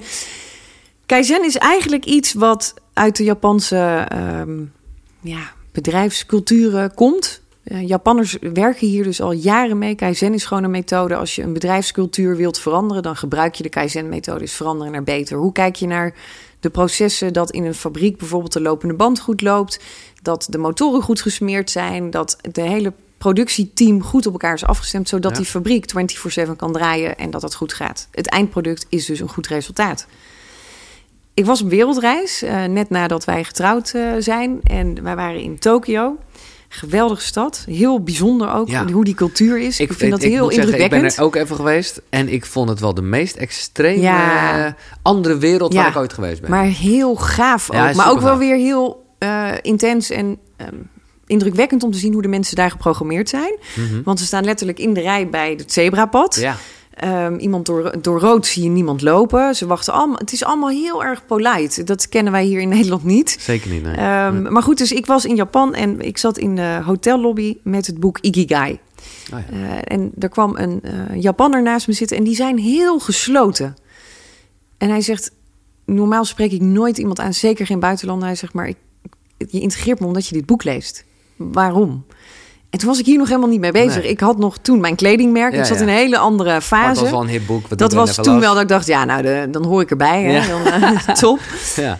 En hij zei, want Ikigai is echt een, een leefstijl. Hij zegt, maar pas je dit toe? Of hoe zit dit? En nou, zo kwamen we in gesprek. En toen zei hij, ik denk dat je de Kaizen-methode ook wel interessant vindt. Toen dacht ik, nou, Kaizen, hoe dan? En hij legde uit dat dus, het gaat over processen in bedrijven. Hij zegt, en hier, er zijn bedrijven die al duizenden jaren oud zijn... die daarop draaien. En dat gaat van familie op familie op familie. En dat werkt. Nooit meer iets mee gedaan, want ja, tof, Japan, leuk. eh, een aantal jaar later begon ik dus met het Golden Growth model. Van nou, wat hebben we nou nodig om echt naar die goede verandering te gaan? En ik kwam er maar niet op. En ik was aan het knutselen in mijn hoofd en aan het stoeien. Een gegeven moment dacht ik, ja, laat maar, dan maar niet die methode. Oké, top. Ehm, maar toen was ik aan het wandelen buiten met de hond. En in één keer zag ik die man. En kwam dat KZN naar boven. En toen dacht ik, wat was het? Dat, dat was een veranderproces. ja. Nou, en ik ben dat gaan googlen. Nou, blijkt dat Toyota daar dus ook al heel lang mee Ah, werkt echt, ja, in de fabriek. En dat is Kaizen, veranderen naar beter. En dat ben ik eigenlijk gaan toepassen op mensen. De 3M-methode van Kaizen. Muda. Muda. Muda. Muda, Mura, Muri. Ja, nou ja, ja, verklaar je nader. Muda Muramuri. Ja, het staat eigenlijk zijn het de drie stappen van kijken naar eh, hoe je waste kunt voorkomen. Hè. Dus als je verandert, zorg dan niet dat je ergens in je proces verstoord wordt door letterlijk het vuilnis wat je tegenkomt. Bijvoorbeeld, eh, je wil veranderen, je wil geen alcohol meer drinken op een feestje. Je gaat naar dat ene feestje. Laat je dan dus ook niet verstoren door die ene vriend die zegt: Nou, nou ben jij echt heel saai of doe eens gezellig mee. Of dat je dan toch die bitterballen gaat eten. Zeker niet in die, in die veranderingsperiode. Als je dat later doet als het op de rit is, is dat echt geen probleem. Nou, in dat proces kijk je dus ook van nou, welke stappen kun je dus achterwege laten? Welke stappen hou je je echt aan vast? Eh, wat ga je uit je leven zetten? Dat kunnen ook vriendschappen zijn bijvoorbeeld. Ja, Klinkt jij, hebt heel dat, jij hebt dat gedaan, hè? Ja. Je, eh, Ja, heel fijn. Ja, maar ook heftig. Je moet het ook Ja. durven. Je hebt echt een vriend gewoon geditcht. Ja, gewoon gezegd, ik maak het uit of zo, terwijl het geen relatie was. Nee. Maar ik heb op een gegeven moment gezegd, ja, bij deze, de vriendschap is over. Want hoe, hoe maak Ja. je het uit met een vriendschap? Nee, ik had het eh, nog nooit eerder gedaan. Nee. Maar dat is achteraf wel de bes- beste beslissing ever. Want en heb je ook nu helemaal geen contact meer mee? Nee, nee. Nee, ja. Omdat hij gewoon jou... eh, of nee, dat deed hij niet expres. Dat was eh, meer zijn eigen mindset. Maar die, die was gewoon altijd negatief. Ja, Eh, heel erg negatief. En die, die sprak ik heel vaak, soms wel drie, vier keer op een dag. En het was altijd negativiteit. Ja. En voor ieder probleem wat hij had, kwam ik heel aardig met een oplossing. Ja. En kwam hij weer met het volgende probleem. Toen dacht ik, wat ben ik hier aan het doen? Eh, ja, en dan moet je op een gegeven moment ervoor kiezen om dat soort mensen los te laten. Want Ja. het, het levert ook niks meer op. Dus echt een beetje schoon schip maken met de dingen. Ik, ik heb gewoon websites en zo. Dat probeer ik heel erg uit mijn leven te halen. Eh, ik ben ook bezig geweest, letterlijk. Nou ja, je ziet het nog niet, want het is nog steeds een heerlijk zootje in mijn huis. Maar ik ben wel heel erg. heel gezellig. Ja, ik ook. Maar ik ben heel erg aan het ontspullen geweest. Wat Ja. ook een beetje dit is, toch? Als ik het zo Oh begrijp. ja, je bent aan het ontspannen. Ja, je ziet het niet, maar geloof me, er zijn, er zijn vuilniszakken weg geweest eh, of gegaan de laatste tijd. Maar dat is een beetje Moeda, toch? Als ik het goed vertaal. Ja, precies, ook dat. Ja. En Moera dan? Moera staat eh, voor de, de balans houden, je proces blijven volgen. Dus je stippelt een weg uit Ja. en je blijft die letterlijk eh, volgen. Dus je, het plan maken. ja. Zonder plan, eh, zonder routekaart, zonder wegenkaart kom je er niet. Dus ook wel discipline. Ook discipline, zeker. Maar ook weten waar je voor staat. Dus het heeft ook weer een beetje met die intrinsieke motivatie Ja, te maken. Van nou, waar wil ik nu graag naartoe? En wat heb ik ervoor over? Kijk, heel veel mensen zeggen... Oh, maar ik wil ook... Hoe jij leeft wil ik ook. Oké, nou, zullen we dan stoppen met suikers eten? Ja, nee, maar dat heb ik er niet voor over. Ja, Ja, ja, ja. maar wat heb je er dan wel voor over? Hoe belangrijk vind je jezelf? ja. Nou ja, plus dat het dus inderdaad ook gewoon nog steeds een voorgeprogrammeerd iets is. Alsof suikers eh, heel lekker zijn. Ja, Eh, en dan Moeri? Of is, oh, of is Moeri juist een beetje de... ja die balans houden. Ja, dus, ja. dus die drie die gaan een onlosmakelijk met elkaar... Ja, ja, wat de belangrijke stappen zijn om die Kaizen-methode ja, in je leven toe te gaan passen. En, en hoe, eh, ja, is, is dat nog iets wat jij dagelijks beoefent? Ook bijvoorbeeld in je, in je brain balance bedrijf, om het zo maar te zeggen? Gaat automatisch. Ja. Ja. Het is gewoon op een gegeven moment, eh, de eerste drie jaar was ik echt heel erg met iedere stap die ik zette van... oké, past dit dan op die weegschaal Ja, van brain ja. balance? Ja, Nu is dat een lifestyle en eh, ja, ben ik daar niet meer... omdat het, het werkt en het loopt gewoon. Maar ik check wel eh, iedere week een paar keer bij mezelf in van... hey, gaat dit de, de kant op waar ik naartoe wil? Is het nog steeds waar ik heel erg gelukkig van word? Dus dat Ja. stel ik mezelf iedere dag. Ja. Op een gegeven moment ook weer zou je kunnen zeggen... heb jij dit gewoon in je archiefkast eh, je voorgeprogrammeerd? ja. Ja, ja, ja. Hoe eh, is de, kan je daar een gemiddelde aan geven? Hoe lang het ongeveer duurt voordat iets je onderbewustzijn... ja, daar- ja, voordat iets normaal is en automatisch? Nou, die hele lifestyle van, van A naar Z, wat ik heb gedaan, daar ben ik wel echt drie jaar mee bezig geweest. Ja. Ja, oké. Ja. Maar kleine stapjes maken ook al een heel groot verschil. Dus toen ik startte met andere voeding, merkte ik binnen twee weken al, eh, ik, ik was een totaal ander mens. Ja, ja. Dus dat gaat heel erg snel. Maar echt dat herprogrammeren van je brein. Kijk, hele kleine gewoontes van eh, je tanden poetsen met rechts, dat veranderen naar links. Dat kost ongeveer een maand. Relatief snel. Maar ja. dat is ook een hele, Ja, niet heel belangrijke eh, handeling dan. Dus hoe moeilijker de programmering is, eh, hoe langer het ook duurt. en, ja, eh, ja, ja. ja. Eh, dat is dus stap 5, structureel veranderen. En de laatste stap, eh, wat eigenlijk, nou ja, vind ik wel verrassend dat dat de laatste stap is, want je zou dat bijna aan het begin zetten. Namelijk, wat zijn de doelstellingen? Ja. Nou, pas wanneer je helder hebt waar je naartoe wil, kun je dat doel pas gaan stellen. Hè? Dus ja. Wat, ik, wat ik heel mooi zie in processen van mensen is dat wanneer ze bij mij binnenkomen, ze volgen een jaartraining, dan gaan ze echt een jaar aan de slag met dat brein. Dan zie je dat mensen, eh, als ik dan vraag stel iets doelen, dan zijn die doelen heel anders dan na dat jaar. Want je krijgt totaal andere inzichten. Eh, er zijn ook mensen die bij mij binnenkomen en na een half jaar zeggen: Jeetje, ik kwam met een, eh, een heel ander doel binnen. Maar je hebt mij zoveel inzicht gegeven dat dat helemaal niet mijn doel is. Dat is het doel van de maatschappij of dat is het doel van mijn ouders. Ja, ja, vet. Dus start bij die programmering en dan pas kun je echt jouw doelen stellen. En daar gaat het om, om jouw persoonlijke proces. En niet wat er verwacht wordt van die snelle maatschappij. Ik wil je straks nog wel doorgaan, maar ik vind het zo mooi dat jij ook begonnen bent met het. eh, zeg maar, nou ja, je geeft die informatie al jarenlang met je boek en eh, eh, nou ja, in dit gesprek. Maar jij bent nu ook actief mensen aan het coachen die weer eh, zelf ook brain balance coach ja. kunnen worden. Ja, de eerste groep gaat eh, binnenkort starten, althans in het najaar. Ja. We zijn eh, met Brain Balance nu geaccrediteerd en dat is echt zo cool. Ik heb ook echt een dansje gedaan op het bureau, op kantoor. ik was helemaal blij. Tot opleidingsinstituut. Oké. En ja, dat is cool, want dan is het niet meer alleen ik die de kennis verspreidt over Brain Balance, maar dan gaan het veel meer mensen worden. En ik krijg zoveel vragen met mensen die ook graag één op één sessies willen doen. Dat doen we intern. Ik heb twee therapeuten ook opgeleid die bij mij eh, op kantoor ook zitten. Maar het is te weinig. Eh, er zijn veel meer mensen die we kunnen helpen. En ja, dan krijgen we dus echt brain balance coaches in en dan Nederland. krijg je als een soort olievlek. eh, ja, hoe cool is dat? Ja, super cool. Ja, ja. En, en in eerste instantie, even los van het feit of je het niet heel erg gaat doorgeven of niet, word je zelf vooral dus ook voor jezelf een, een, een nou ja, expert op dat gebied. ja.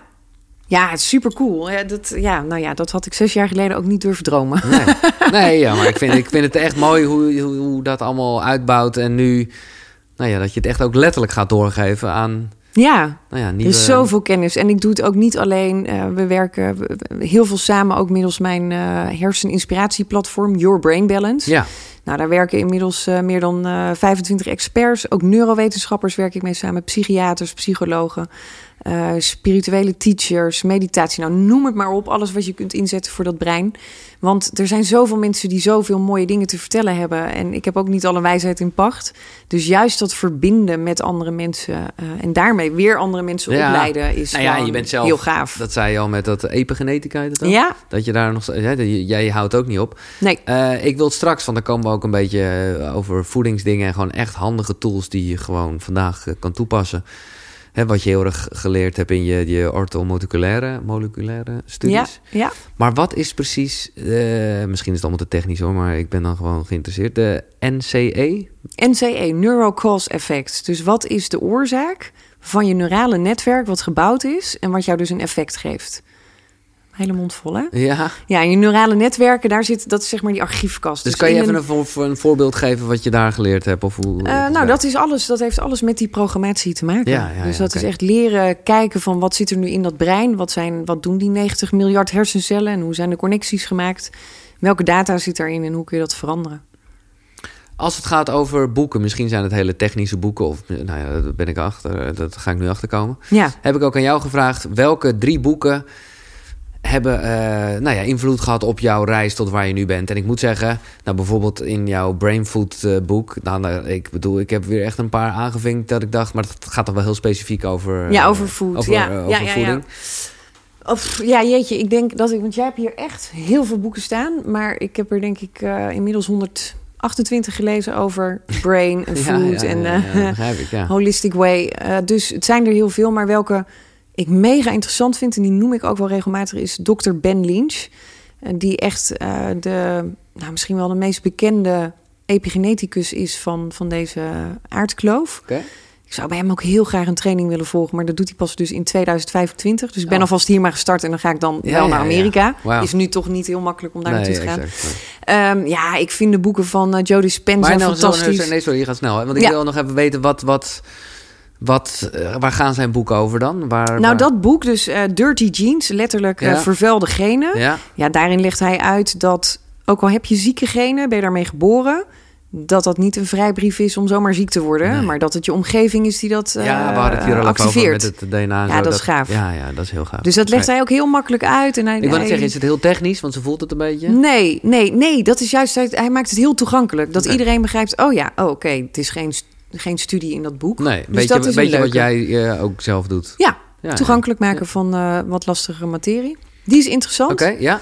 En ehm, ja, Joe Dispenza. Ik vind sowieso al zijn boeken eh, geweldig. Ja, ja, ja. Het, het blijft natuurlijk in- indrukwekkend ook, hè, wat, wat de hele kwantumfysica is en doet. En ja, ook dat, ik zou, ik zou al zijn kennis wat hij in zijn hoofd heeft ook wel willen hebben over Ja. kwantum- kwantumfysica. Dus ja. dat zie ik mezelf ook nog wel eens wat dieper eh, op ingaan. Ehm, dus ja, eigenlijk al zijn boeken geweldig. Ja, en ook gewoon heel erg. Nou ja, dat, dat eh, is dus ook precies wat, wat de hersenen doen. Dat je gewoon zelf bepaalt. Ja, eh, hoe je je voelt. Ja, en dat energie, dat je brein dus al een reactie geeft op iemand die 30 meter verder is, bijvoorbeeld. Hè, of iets wat 30 meter verder is. Ja. Dat, het, dat wij zo beïnvloed worden door alles wat er om ons heen gebeurt, zonder dat we het zien. Ja, En dat gedachten nooit heel erg authentiek zijn, maar dat uitvindingen dus ook in tegelijkertijd lucht, ja. in het universum ontstaan. En dat iemand in Australië dat bedenkt en iemand in Amerika ook tegelijkertijd. En ja, wie was er dan eerst? Dus dat is ook wel weer mooi. Ja, ik vind het zo machtig interessant. Ik ook. Ik vind het mooi hoe, hoe, da- hoe daar echt eh, eh, nou ja, spiritualiteit, wat vaak een beetje het onverklaarbare is, en wetenschap gewoon heel erg bij elkaar komt. Ja, ja, en dat maakt hij ook zo mooi. Hè? Dat hij ook zegt, dit is wetenschap. Ja. Terwijl de hele wereld dat nog spiritueel vindt. En dat vind ik, ik vind dat zo jammer. Dat er een soort stigma hangt van wanneer iets spiritueel is, dan, eh, dan is het bullshit. Natuurlijk niet voor iedereen, hè? Maar, Nee, maar ik eh, voor heel veel wel- mensen wel. En dat vind ik jammer. Ja, ik merk ook wel, en ik denk dat dat goed is, eh, of althans eh, voor, voor wat jij doet, dat jij dat ook, nou ja, uit de weg gaat is misschien wat groot, maar in je boeken zeker wel een beetje. Ja, niet echt uit de weg gaat. Ehm, als mensen ook aan mij vragen van... Ik ga heel vaak op spirituele retreats. Ja, en dat vind ik fantastisch. Kijk, mediteren is, is niet spiritueel. Het is ook spiritueel, maar het is ook een wetenschap. En dat is het grappige. Quantumfysica zien we als spiritueel, maar is ook een wetenschap. Epigenetica vinden we allemaal maar bla bla hocus pocus, omdat het nog niet tastbaar is. Dus mensen, omdat die kennis er gewoon nog niet heel toegankelijk is, dan vinden mensen het al heel Ja, snel ja. raar. Maar het is wel on- onderbouwd en Ja. het is wetenschap. Dus eh, ik, ik ga dat zeker niet uit de weg. Spiritualiteit vind ik fantastisch. We doen heel veel met stenen ook thuis en zo. Oh, en Ja, ja, energieën. En dat leer ik nice. Sky ook echt eh, opladen met de maan en eh, dat soort dingen. Ja, oké. En die, die, iedere avond is het ook, nou, dit is mijn krachtsteen voor goed slapen. Dus dat zit helemaal geprogrammeerd Oh, in hem ook. Dus ja, En wat, want je schrijft er ook wel iets over, ehm, wat, je hebt een soort, een soort, je hebt een Italiaanse mentor. Heb ik gehad. Oh, ja, gehad, eh, tien dagen ben ik eh, bij Mandali geweest in eh, Italië. Oh, fantastisch. Ja, je hebt Wouter ook nog wel eens een keer Ja. geïnterviewd. Zeker. Goede vriend van me. En ehm, ja, dat is het mooiste retreatcenter van Europa, vind ik. In ieder geval, die plek heeft zo'n bijzondere energie. Ja. En daar ben ik tien dagen in totale stilte gegaan. Eigenlijk net toen ik er een beetje uitkrabbelde. Eh, en ik wilde echt, ik wilde eigenlijk niks anders meer. Ik wilde daar blijven. Ja, ja, maar dat is gewoon lekker in een cocon natuurlijk. Ja, ja, ja. Maar dat was echt eh, toen ik dacht: jeetje, moet ik dan nu die snelle wereld weer in? Moet ik die telefoon weer aanzetten? No way. Maar daar heb ik ook echt wel. ehm, ja, de verlichting gevonden. Hoe zeg je dat? Echt wel Nou ja. hele mooie spirituele momenten meegemaakt. Eh, en, en ook met mediteren wel naar een hoger niveau kunnen tillen. Ja. En als we dit dan toch even afmaken, wat heeft eh, Egon Massing voor jou betekend? ja hij is mijn, eh, mijn alles.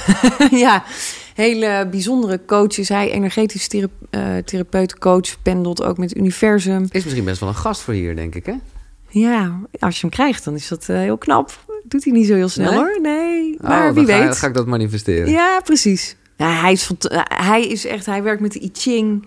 Ehm, Maar wat doet hij nu dan? Of hij doet gewoon niet zoveel meer? Of, hij, is, eh, hij is mijn coach, dus ja. hij is mijn, eh, mijn eh, ja, leider ook wel. eh, ja, hoe zeg je dat? Hij, hij leidt mij ook wel door heel veel processen heen. hè. Dus ik, ik spar dus iedere jij- maand met jij hem. spreekt hem nog wel eens? Iedere maand. Oh, ja. nou, doe ja. een goed woordje. Ja, ga ik doen. Nee, ja, dat, zeg, ik, doen, dat zeg ik heel bij de hand. Nee, sorry. Nee, nee, nee, tuurlijk, tuurlijk. Maar de, ja, hij is een hele bijzondere man, deze man. Ja. En, en, en eh, als het privé is, moet je het ook zeggen hoor. Maar wat, wat, nou ja, wat is er tijdens de laatste maandelijkse sessies? Wat komt er dan naar boven? Nou, we bespreken onder andere de route die we volgen. Van Ja. nou, waar, waar ben je mee bezig? Ehm, ook wel soms de twijfelmomenten, want die heb ik ook. Mhm. Eh, en, en nou, doe ik hier goed aan, doe ik daar goed aan? Moet dit erbij? Wordt het niet te veel? Ehm, ik kan ook wel eens onrustig zijn in, in, het, in het verhaal van... ehm, ik, ik moet een soort rush hebben, een soort arousal. Ja, En daar word ik dan ook weer onrustig van. Dat Ik denk, jeetje, is het dan... we- Waar, Oh, eh, herkenbaar, weet je, ja. waar komt dan die stilte? Terwijl ik ook soms gewoon geen gedachten hoef te hebben. Dus het is niet zozeer dat daar die onrust, maar meer dat we met zulke mooie dingen bezig Ja. zijn. En dat is zo cool. Nou ja, goed. Dus is- daar heb ik het dan met ja, hem ja. over. Van oké, we zijn nu bezig met die opleiding. We hebben die stichting. Er komt een nieuw boek aan. We doen Nationale eh, Breindag. We doen dit, we doen dat. Ehm, is het niet te veel? En dan zegt hij ook, ja, maar dit is alleen maar geweldig. Want je hebt die missie. En ja, daar support hij me in. jij zegt dit nu even snel. Er komt een nieuw boek aan. Ja. Ja. ja, die zei ik dus heel onderbewust. Want Ja. dat is dus wel eh, eh, eigenlijk een primeur. Oké, top. Ik heb die dus zelf... Dit weet nog niemand. Nee. En natuurlijk mijn innerlijke... eh, mijn innerlijke... Mijn inner circle. Ja, ja, mijn innerlijke cirkel. Ja. Ja, ja, er komt een nieuw boek aan. Oké. Ja, En je Brain Balance, nou ja, dat is het, het basis eerste boek. Brain Food, daar wil ik straks toch ook nog wel ietsjes dichter op doorgaan. ja. En je hebt de Brain Balance Journal. Nou, dat is niet een boek, maar nou ja, er staat ook wel wat informatie aan het begin, maar is vooral een journal dus. ja. Ja, en, en daarna is nog de Tiener Journal gekomen. Oh, ja. Dus echt wel voor, voor de tieners gemaakt. En Ja. inderdaad, er staat informatie in hoe werkt dat brein. Dus echt op de tieners Ja, eh, goed, geschreven. En de Kids Journal, die net eh, gelanceerd is. Ja, dan komt er nu boek 6 aan. Ja, en waar gaat dat over dan? Wat is de... Is het vervolg eigenlijk op Brain Food? Ja. Oh, dit is echt een primeur hoor, die ik jou hier weggeef. Ja. Ja. Brain Food, maar dan ehm, gaan we nog dieper in op de, de processen. Dus we gaan ook helemaal kijken naar de darmen. Hoe ehm, ja, beïnvloeden die ons brein, neurotransmitters. En dan gaan het eh, qua, qua recepten zijn het allemaal smoothie recepten. Oké. Dus ehm, Ja, ja, nou dat vind ik goed dat je het zegt. Want Er komen er wel een paar in, maar ik weet dat in jouw dagelijkse routine dat echt een rol heeft. En dit, Ja. eh, dit gaat feitelijk gezien echt over gerechten. ja, Dus eh, eten. Oké, leuk. dus het smoothie Brain Food boek. Ja, Mm. eind mei komt die. Oké, top. Nou, leuke primeur. Ja, Ja, maar echt, eh, kunnen we ook weer afvinken. even een, ja. En wat is, ehm, voordat we dan, dan gaan we straks ook even de het Brainfood boek in. Maar eerst nog even het derde boek Ja. van de drie eh, inspirerende boeken. Ja, dat is de journal. Oh, oh nee, sorry, Nee. wat ik... Oh, ja, Van- natuurlijk, mijn eigen boek. Nee.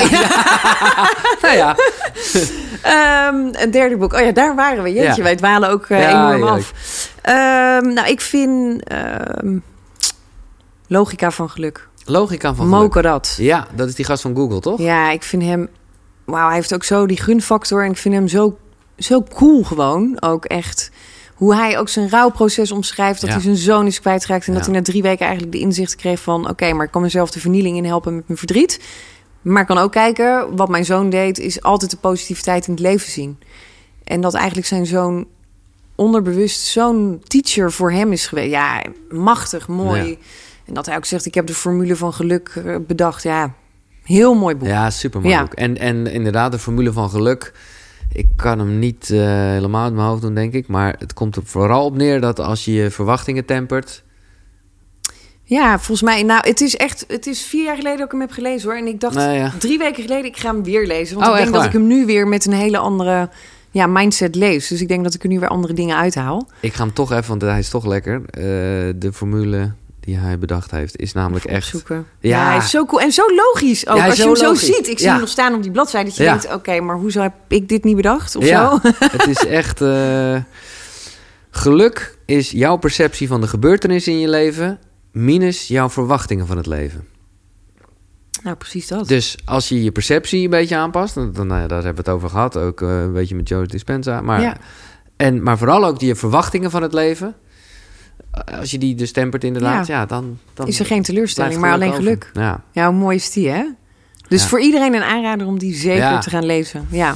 mooi. Eh, tot zover de drie boeken. Je, je bent dus nog steeds een lezer, begrijp ik. Oh, pff, ik heb zo'n stapel. En dan denk Ja. ik, oh ja, dit. Ik heb heel recent een boek besteld. En ik had geen idee dat hij zo dik was. Maar die kwam gisteren binnen. En dat is Oh. dus echt zo'n boek over pil, how ja. to prevent Alzheimer. Oh, Machtig interessant, maar zo'n boek. Dus Ja. ik denk, oké, maar ja, ja, vind ik super cool. En Nou. ik las nooit boeken, hè. Daar ben ik echt dus pas vier, vijf jaar geleden mee begonnen. Grappig, want ik had nee, een hekel aan boeken lezen. ik ook. Maar dat is dan ook weer eh, voorgeprogrammeerd vanuit mijn school, zeg maar. Ja, ik was er nooit goed in en ik had er geen geduld voor. En ik had ADHD en ik kon nooit stilzitten Nee, en geen oh, focus. we En dan was ik weer afgeleid. op. Ja. Nou ja, dat dus. dus En ik zit nu eh, ook, ik weet niet hoe jij dat, ik ben ook wel zo'n nerd geworden dat ik nu ook in de auto veel boeken aan het luisteren ben. Ja, ik wou zeggen dat je het aan het lezen bent. Dat hoop ik dat, eh, niet. dat kan nog helaas niet. Ik zou graag willen dat we al de zelfrijdende auto Ja, hebben. hè? Ja. Nee, ja, dat is natuurlijk het geweldige van luisterboeken en, en podcasts. Is, Ja. is dat dat zo cool is dat je dat inderdaad in de auto kunt lezen. Dus dat is, dat, ja. Zijn, dat zijn dan weer de mooie ontwikkelingen in die snelle wereld. Zo is het. Eh, tot zover de boeken. Ik ga gelijk even, ik ga aan het einde echt naar eh, de vragen toe. Maar omdat jij net het hebt over de- die dikke pil, en dat brengt ons misschien ook wel bij de voeding. Een vraag van Monique Vlonk die binnen was gekomen. Wat kan je doen om Alzheimer te voorkomen? Oh ja, Maar misschien mooi, heb je het mooi haakje. uit. Dus, eh, Nee, ik, moet hem, ik heb hem gisteren uitgepakt of gisteren. Dus. Maar wat kun je doen? Nou, kijk, wat, wat de inzichten zijn, eh, wat, wat we nu weten. En ik zeg altijd nu, want het kan over een maand alweer anders zijn en over een jaar. Is eigenlijk dat, dat zo'n 7 à 10 procent van Alzheimer eh, genetisch bepaald is. Dan blijft er een heel groot stuk over. Hè? Ruim 90 procent waarvan er nu wordt gezegd... dat is echt door lifestyle wordt dat ontwikkeld. Ja. En dan komen we weer op het stuk van... ehm, mensen schieten wel eens in de verdediging. Ja, dus je wil zeggen dat mijn moeder dit zelf heeft gedaan? Nee, niet bewust, maar wel onderbewust. Als jouw moeder heel veel stress heeft gehad... of al early life stress heeft gehad in eh, de, de zwangerschap... dan kan het zo zijn dat dat brein letterlijk al sneller op is. En dat er dus vroeger Alzheimer intreedt.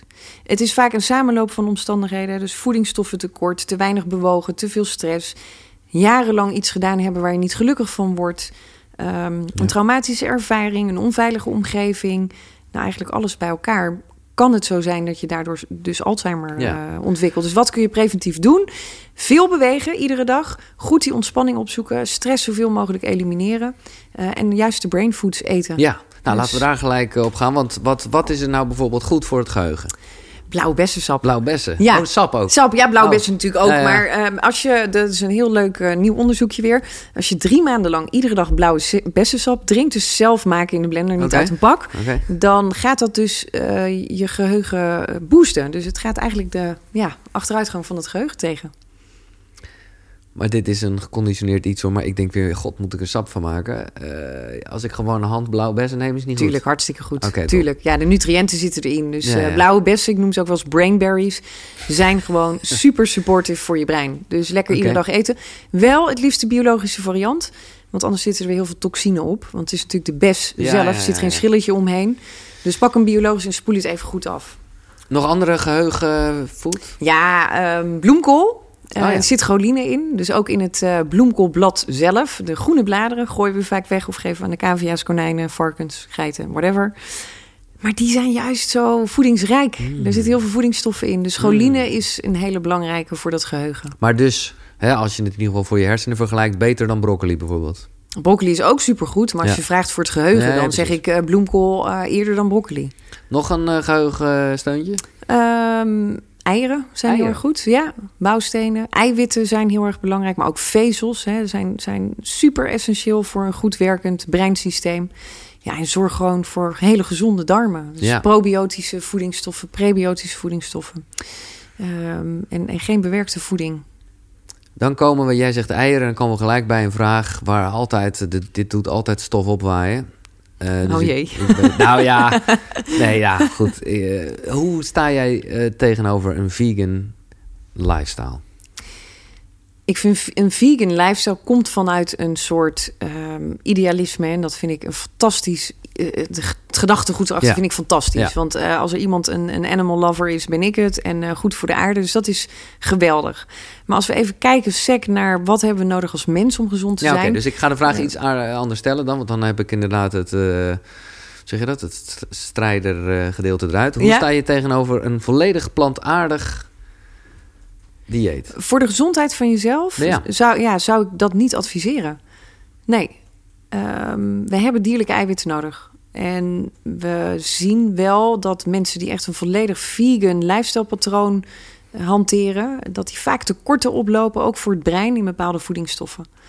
Dus als we kijken naar dat, dat, dat uh, oervoedingssysteem ja. waarop dat brein functioneert, dan hebben we bepaalde dierlijke vetten nodig. Omega-3 vetzuren bijvoorbeeld, heel belangrijk.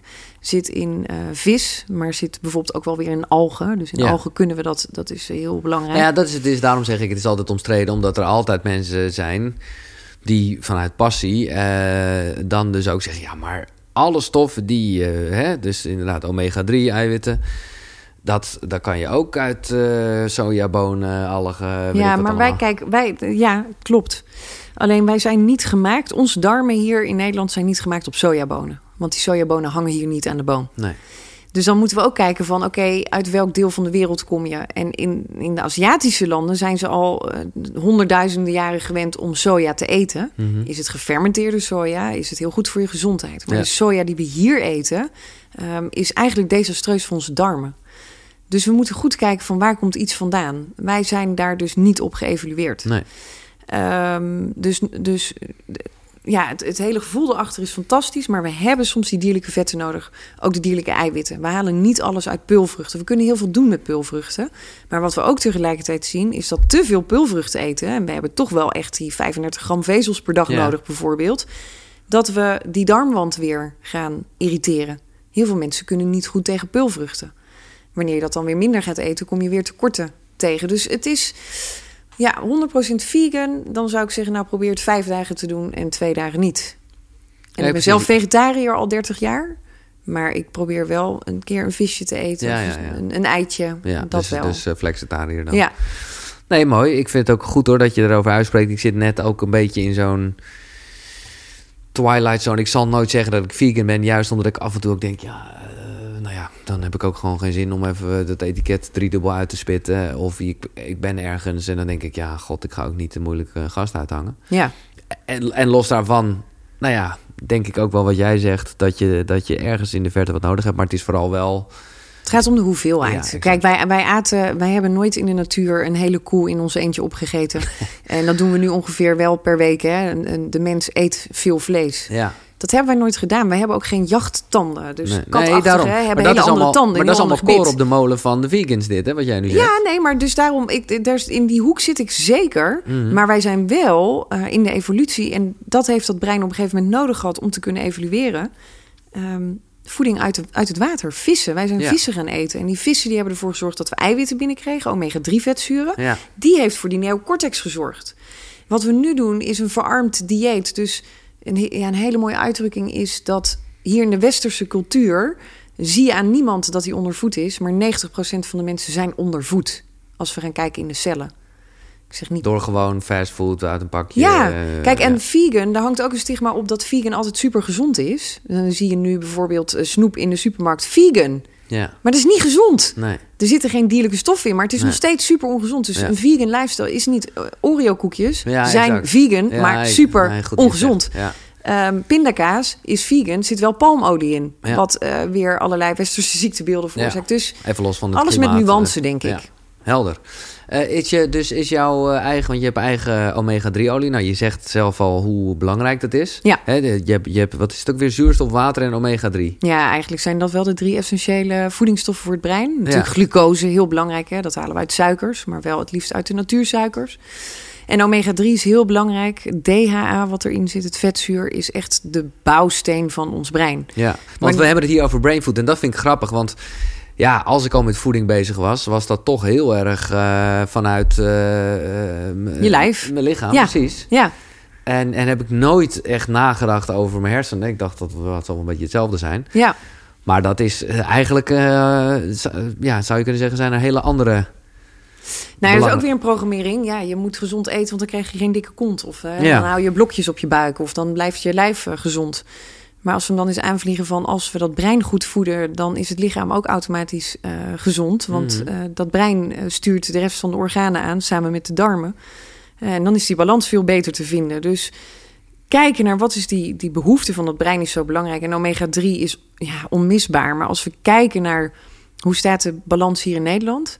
dan zitten wij echt in bijna de roodzone qua gevaar. Hè. We zitten in donker oranje. En dat betekent dat 80% van de Nederlanders een chronisch omega-3 tekort heeft.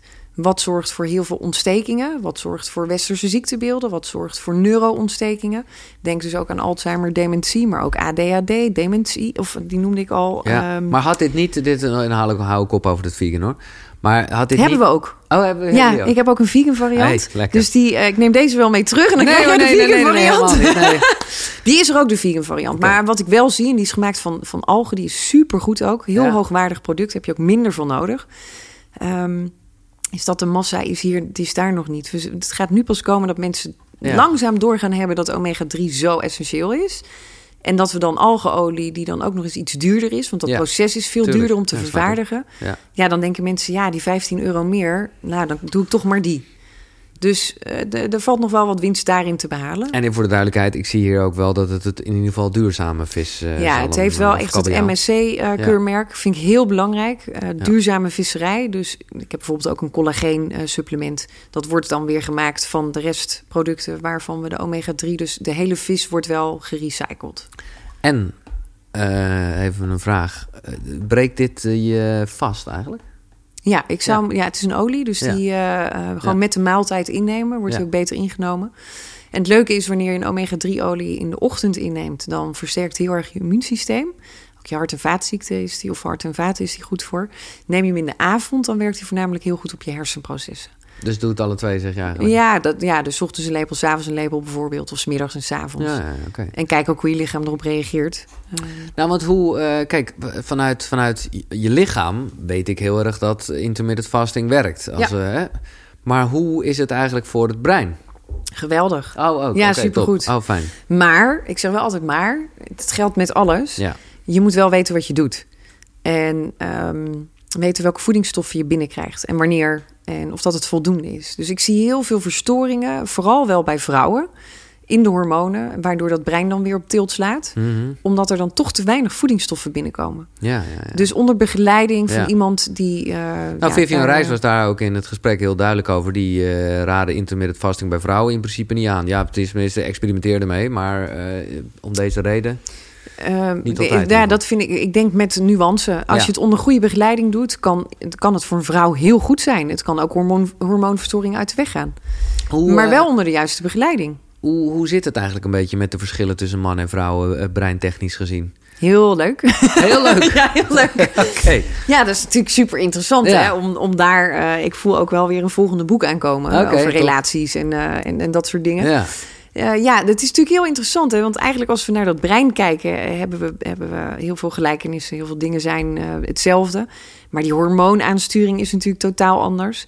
En ja, het meest opvallende ding, dat, dat zijn er eigenlijk twee, is de corpus callosum. Dus dat is eigenlijk de verbindingsbrug tussen linker hersenhelft en rechter hersenhelft. Die is bij de vrouwen veel breder. Er lopen veel meer zenuwbanen en uitlopers overheen. Waardoor wij vrouwen heel lang met ons hoofd in bepaalde dingen kunnen blijven hangen. En ja, oh, heb je het daar nu alweer over? Ja, drie dagen later zit het nog in mijn hoofd. Terwijl mannen, die hebben een smallere, een dunnere verbindingsbrug. Minder zenuwuitlopers. Ja, en daar is het gewoon heel simpel. Heb je iets besproken, dan is het daarna ook klaar en verdwijnt dat uit het hoofd. Hebben dan ook de nothing box. Geweldig. Dat hebben mannen, is inmiddels bewezen. Jullie De hebben gewoon box. een hokje waarin je niks kunt denken.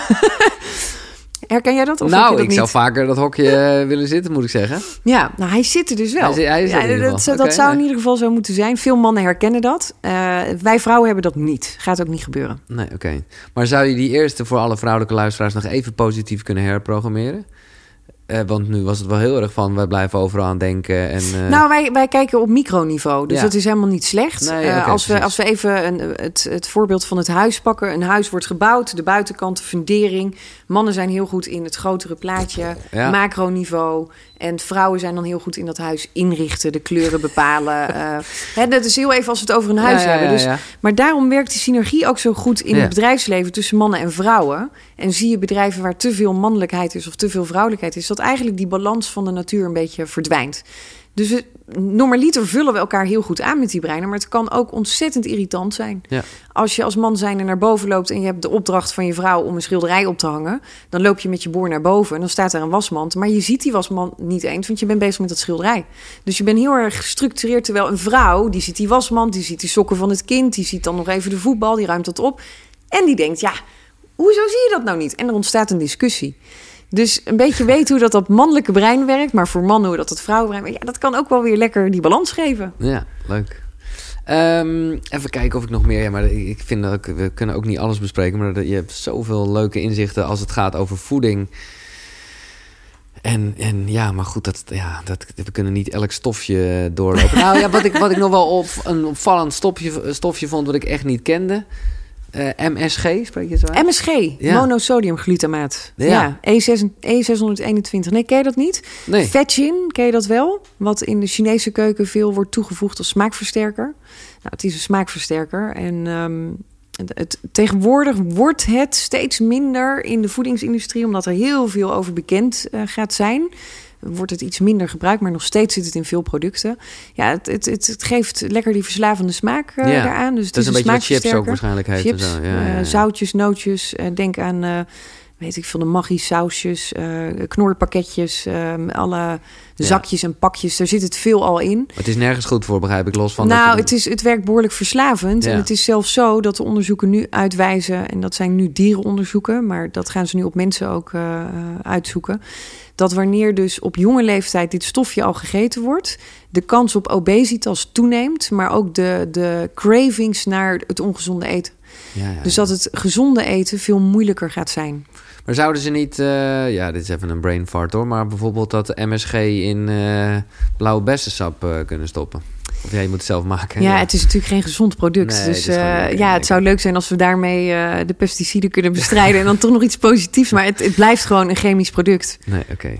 Hoe, we hebben het even gehad over intermittent fasting. Doe jij dat zelf? Ja, Oké, hoe is jouw ochtendritueel? Gaat er een wekker? Eh, mijn kind. Ja, ja, is, dus eh, die, eh, ik heb al 4,5 jaar een natuurlijke wekker. Ja, Die nu sinds eh, ehm, nou, een klein jaar pas echt doorslaapt. Dus ik heb weer sinds een jaar slaap. Dat is ook heel fijn. ja heel belangrijk. heel ook. belangrijk, Ja. ja. Eh, dus ja, ik heb, een, ik heb een natuurlijke wekker. En heel eerlijk, als ik mijn natuurlijke ritme zou bekijken... dan zou ik wat later gaan slapen. Ik ben toch iets meer een avondmens. En zou ik eh, een uurtje later wakker worden. Het is nu half zeven. Half acht zou mijn perfecte ritme zijn. En dat heb ik eh, uitgetest ook in de vele keren dat ik alleen weg was. Dat ik dacht, grappig, nu- verschuif ik eigenlijk gewoon mijn, Ja, mijn eigen ritme. Ehm, dus ja, nou ja, dat is de wekker. En hoe ziet het, eh, hoe ziet het ochtendritueel eruit? Nou, ik start eh, vaak met een verhaaltje voor Sky. In plaats van televisie of schermpjes. een verhaal of ik verzin hem zelf. Eh, of het komt uit een leuk boek. We doen stenen ritueel. Van nou, wat gaan we vandaag doen? Eh, we wat- hebben vandaag wat- een hele gelukkige, leuke, gezellige dag. En ik ga genieten. Dat is wat ik hem iedere dag meegeef. En dan pak je Dus- daar een steen bij dus. Ja, hij heeft, eh, ehm, ik denk inmiddels twaalf stenen op zijn kamer. Ah, die hebben allemaal een eigen, een eigen waarde. En dan pakt hij de steen van naar school gaan en naar heel veel geluk en, en genieten. En dan zegt hij, mama, ik heb vandaag heel veel geluk en heel veel genieten. Wat leuk. En ik ga met heel veel plezier naar school. Dus nou, dat doen we dan eh, samen of met z'n drieën met mijn man. En dan ga ik lekker voor hun het ontbijt maken. Ehm, als zij gaan ontbijten, dan ga ik meestal een half uur, drie kwartier wandelen. Dan doe ik een wandelmeditatie. Dan heb ik meteen lekker mijn beweging gehad buiten. En dan eh, breng ik Sky naar school en dan ga ik naar mijn werk. Ja, en waar, eh, wanneer doe jij, want ik weet dat je, nou ja, yoga heeft jou ook wel veel gebracht. Ja, drie keer in de week doe ik dat. Oh ja, precies. Ja. Dus dat doe je niet in de ochtend, doe je gewoon ergens. Nee, ook in de ochtend, maar ja. dat wisselt dus. Ik breng ja. niet eh, iedere dag Sky naar school, dat Nee. wisselen we af. Dus de ene ochtend doe ik yoga en dan brengt mijn man Sky naar school. Eh, Nou, dat zo, leer eh, ik nog eh, als we het hebben over wat belangrijk is eh, voor je hersenen. Nou ja, zuurstof, omega-3 en water, maar dus ook glucose. Ja. En, en yoga heeft daar eh, een positief effect op. Ja, yoga heeft een positief effect op de ontwikkeling ook van ons brein. Ja, oké. Het kalmeren van het centrale zenuwstelsel. Nou ja, eh, aan top van het centrale zenuwstelsel staan onze hersenen. En dat is een hele positieve beïnvloeding. En ja, het mooie ook daarvan is weer dat eh, Harvard en Yale hele mooie onderzoeken doen naar wat doet yoga en wat doet mediteren voor je brein. Ja, dat is uniek. Ja. Binnen vijf minuten zie je al verandering in het brein eh, wanneer je een hersenscan zou doen en je doet yoga of meditatie. Dat is zo Ah. machtig. Eh, is- eh, Zijn er ook meditatiemomenten in jouw leven? Ja, ja, ja, Ja, ja. Nou, ehm, soms wel eens twee keer op een dag. Oké. Ja, dus mediteren, maar ook wel eens gewoon, gewoon in de auto kunnen ook mijn meditatiemomenten zijn. Of als ik aan het zitten, koken ben bijvoorbeeld. ja, Ja, ja, ja. Ehm, we gaan weer even een beweegmomentje doen. ja. Ik, eigenlijk moet ik gewoon weer plassen. Ja, Maar, eh, nou, wellicht krijg je nog een creatieve ingeving. Nou, ik, ik weet vooral, want ik, we zijn heerlijk lang aan het lullen. Ik ga, ik ga naar de vragen van de luisteraar zo. Eh, Superleuk. En eh, ja. Top! Ja, top. Oh, sorry, ik onderbreek eventjes dit fijne gesprek. Maar dat is vanwege iets dat met boeken te maken heeft. En ja, ik hou van boeken. Ik hou van verhalen.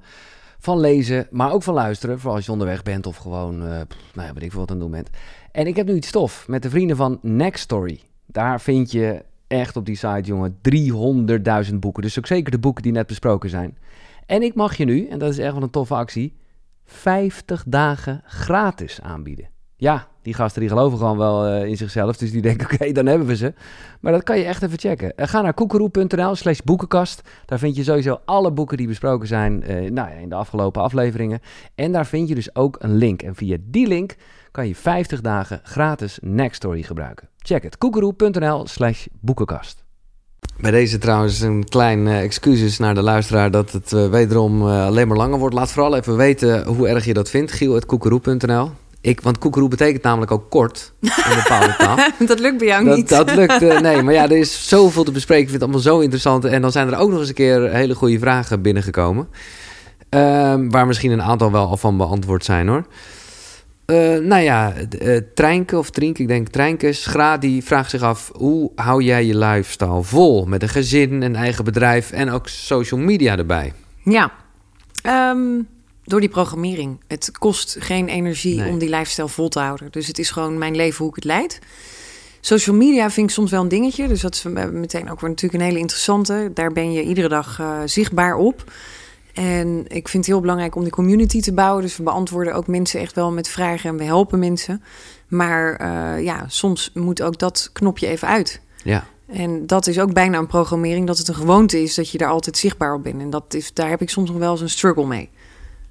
Heerlijk en, en, en ja, duidelijk. Ja. Uh, Demarens vraagt zich af, nou dat hebben we al een beetje besproken. Is altijd al bezig geweest met het brein of is dat pas later gekomen? Nee, dat is echt pas uh, gekomen toen ik mezelf een vernieling had geholpen. Ja, ja. ja. Uh, Nakitas, die vraagt zich af, hoe ga je eetbuien tegen? Wat kan je nemen in plaats van zoete snacks voor een verzadigd gevoel? Ja, nou kijk, als er eenmaal eetbuien zijn, dan zit je brein niet te wachten op een wortel. Daar word je gewoon niet blij van. Nee. Dus je, eigenlijk wil je voorkomen dat je in eetbui terechtkomt. En dat start met de eerste stap. Waarom krijg je een eetbui? Dus wat zit daar, uh, wat zit daarachter? En, en vaak is dat een combinatie van uh, of een emotie of een verveling, dat is ook een emotie, uh, of echt voedingsstoffentekort. En dat zien we heel vaak wanneer er een magnesiumtekort is, omega-3 tekort is. Dan zien we dat mensen veel sneller die cravings gaan krijgen, omdat het systeem eigenlijk roept: ik heb energie nodig. We zoeken naar energie. Dat brein zegt: ik heb het is een energiegedreven ja, ja, ja. machine. Ik moet energie hebben en dat vinden we in eten. Ja. Alleen gaan we dan het verkeerde eten, waardoor we die pieken en die dalen gaan krijgen. Maar ik bedoel te dus... zeggen, vaak ook omdat je je niet zo fijn voelt als je een eetbuik krijgt. Het is niet dat je denkt, oh laat ik even een magnesiumpil nemen, toch? Nee, daarom, je moet het van tevoren doen. Ja, ja dus dus ja, je, wil, je wil het voorkomen in plaats van genezen. En nu zit de vraag nog heel erg op het genezen. Hoe genees ik mijn uh, eetbuien? Nee, hoe voorkom je dat je ze krijgt? En dat is de juiste voedingsstoffen eten. Dat staat ook in het Brain Food boek. Hè, wat suikers en cravings met je doen. Verslaving, suikerverslaving. Heel veel mensen hebben dit. Ja. Dat kun je omturnen. Twee, drie weken op de juiste manier... met de juiste protocollen en de juiste aanvulling van voedingsstoffen. Dan krijg je dat gewoon weer in de resetmodus. Lekker. Uh, Bren, hoe begin je met een gezonder leven stap voor stap op te bouwen?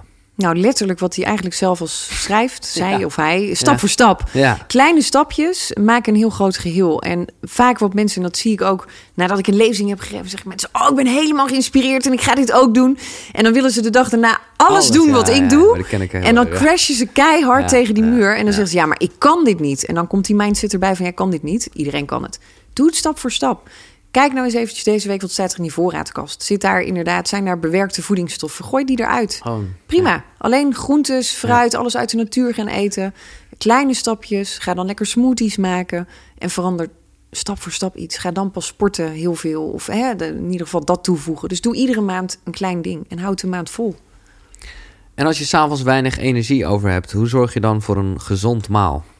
Of zit dat daarin? Dat, eh, is Nou, zorg dat je gewoon wel energie hebt aan het einde van de dag. Dus, dus het is het kip-ei verhaal. Hè? Hier zoeken we weer naar, oké, als ik geen energie heb, hoe doe ik dat dan? Zorg dat je gewoon je energie stabiel houdt met de juiste voedingsstoffen, met gedurende de dag bewegen, met je ontspanningsmomenten, reduceer je stress.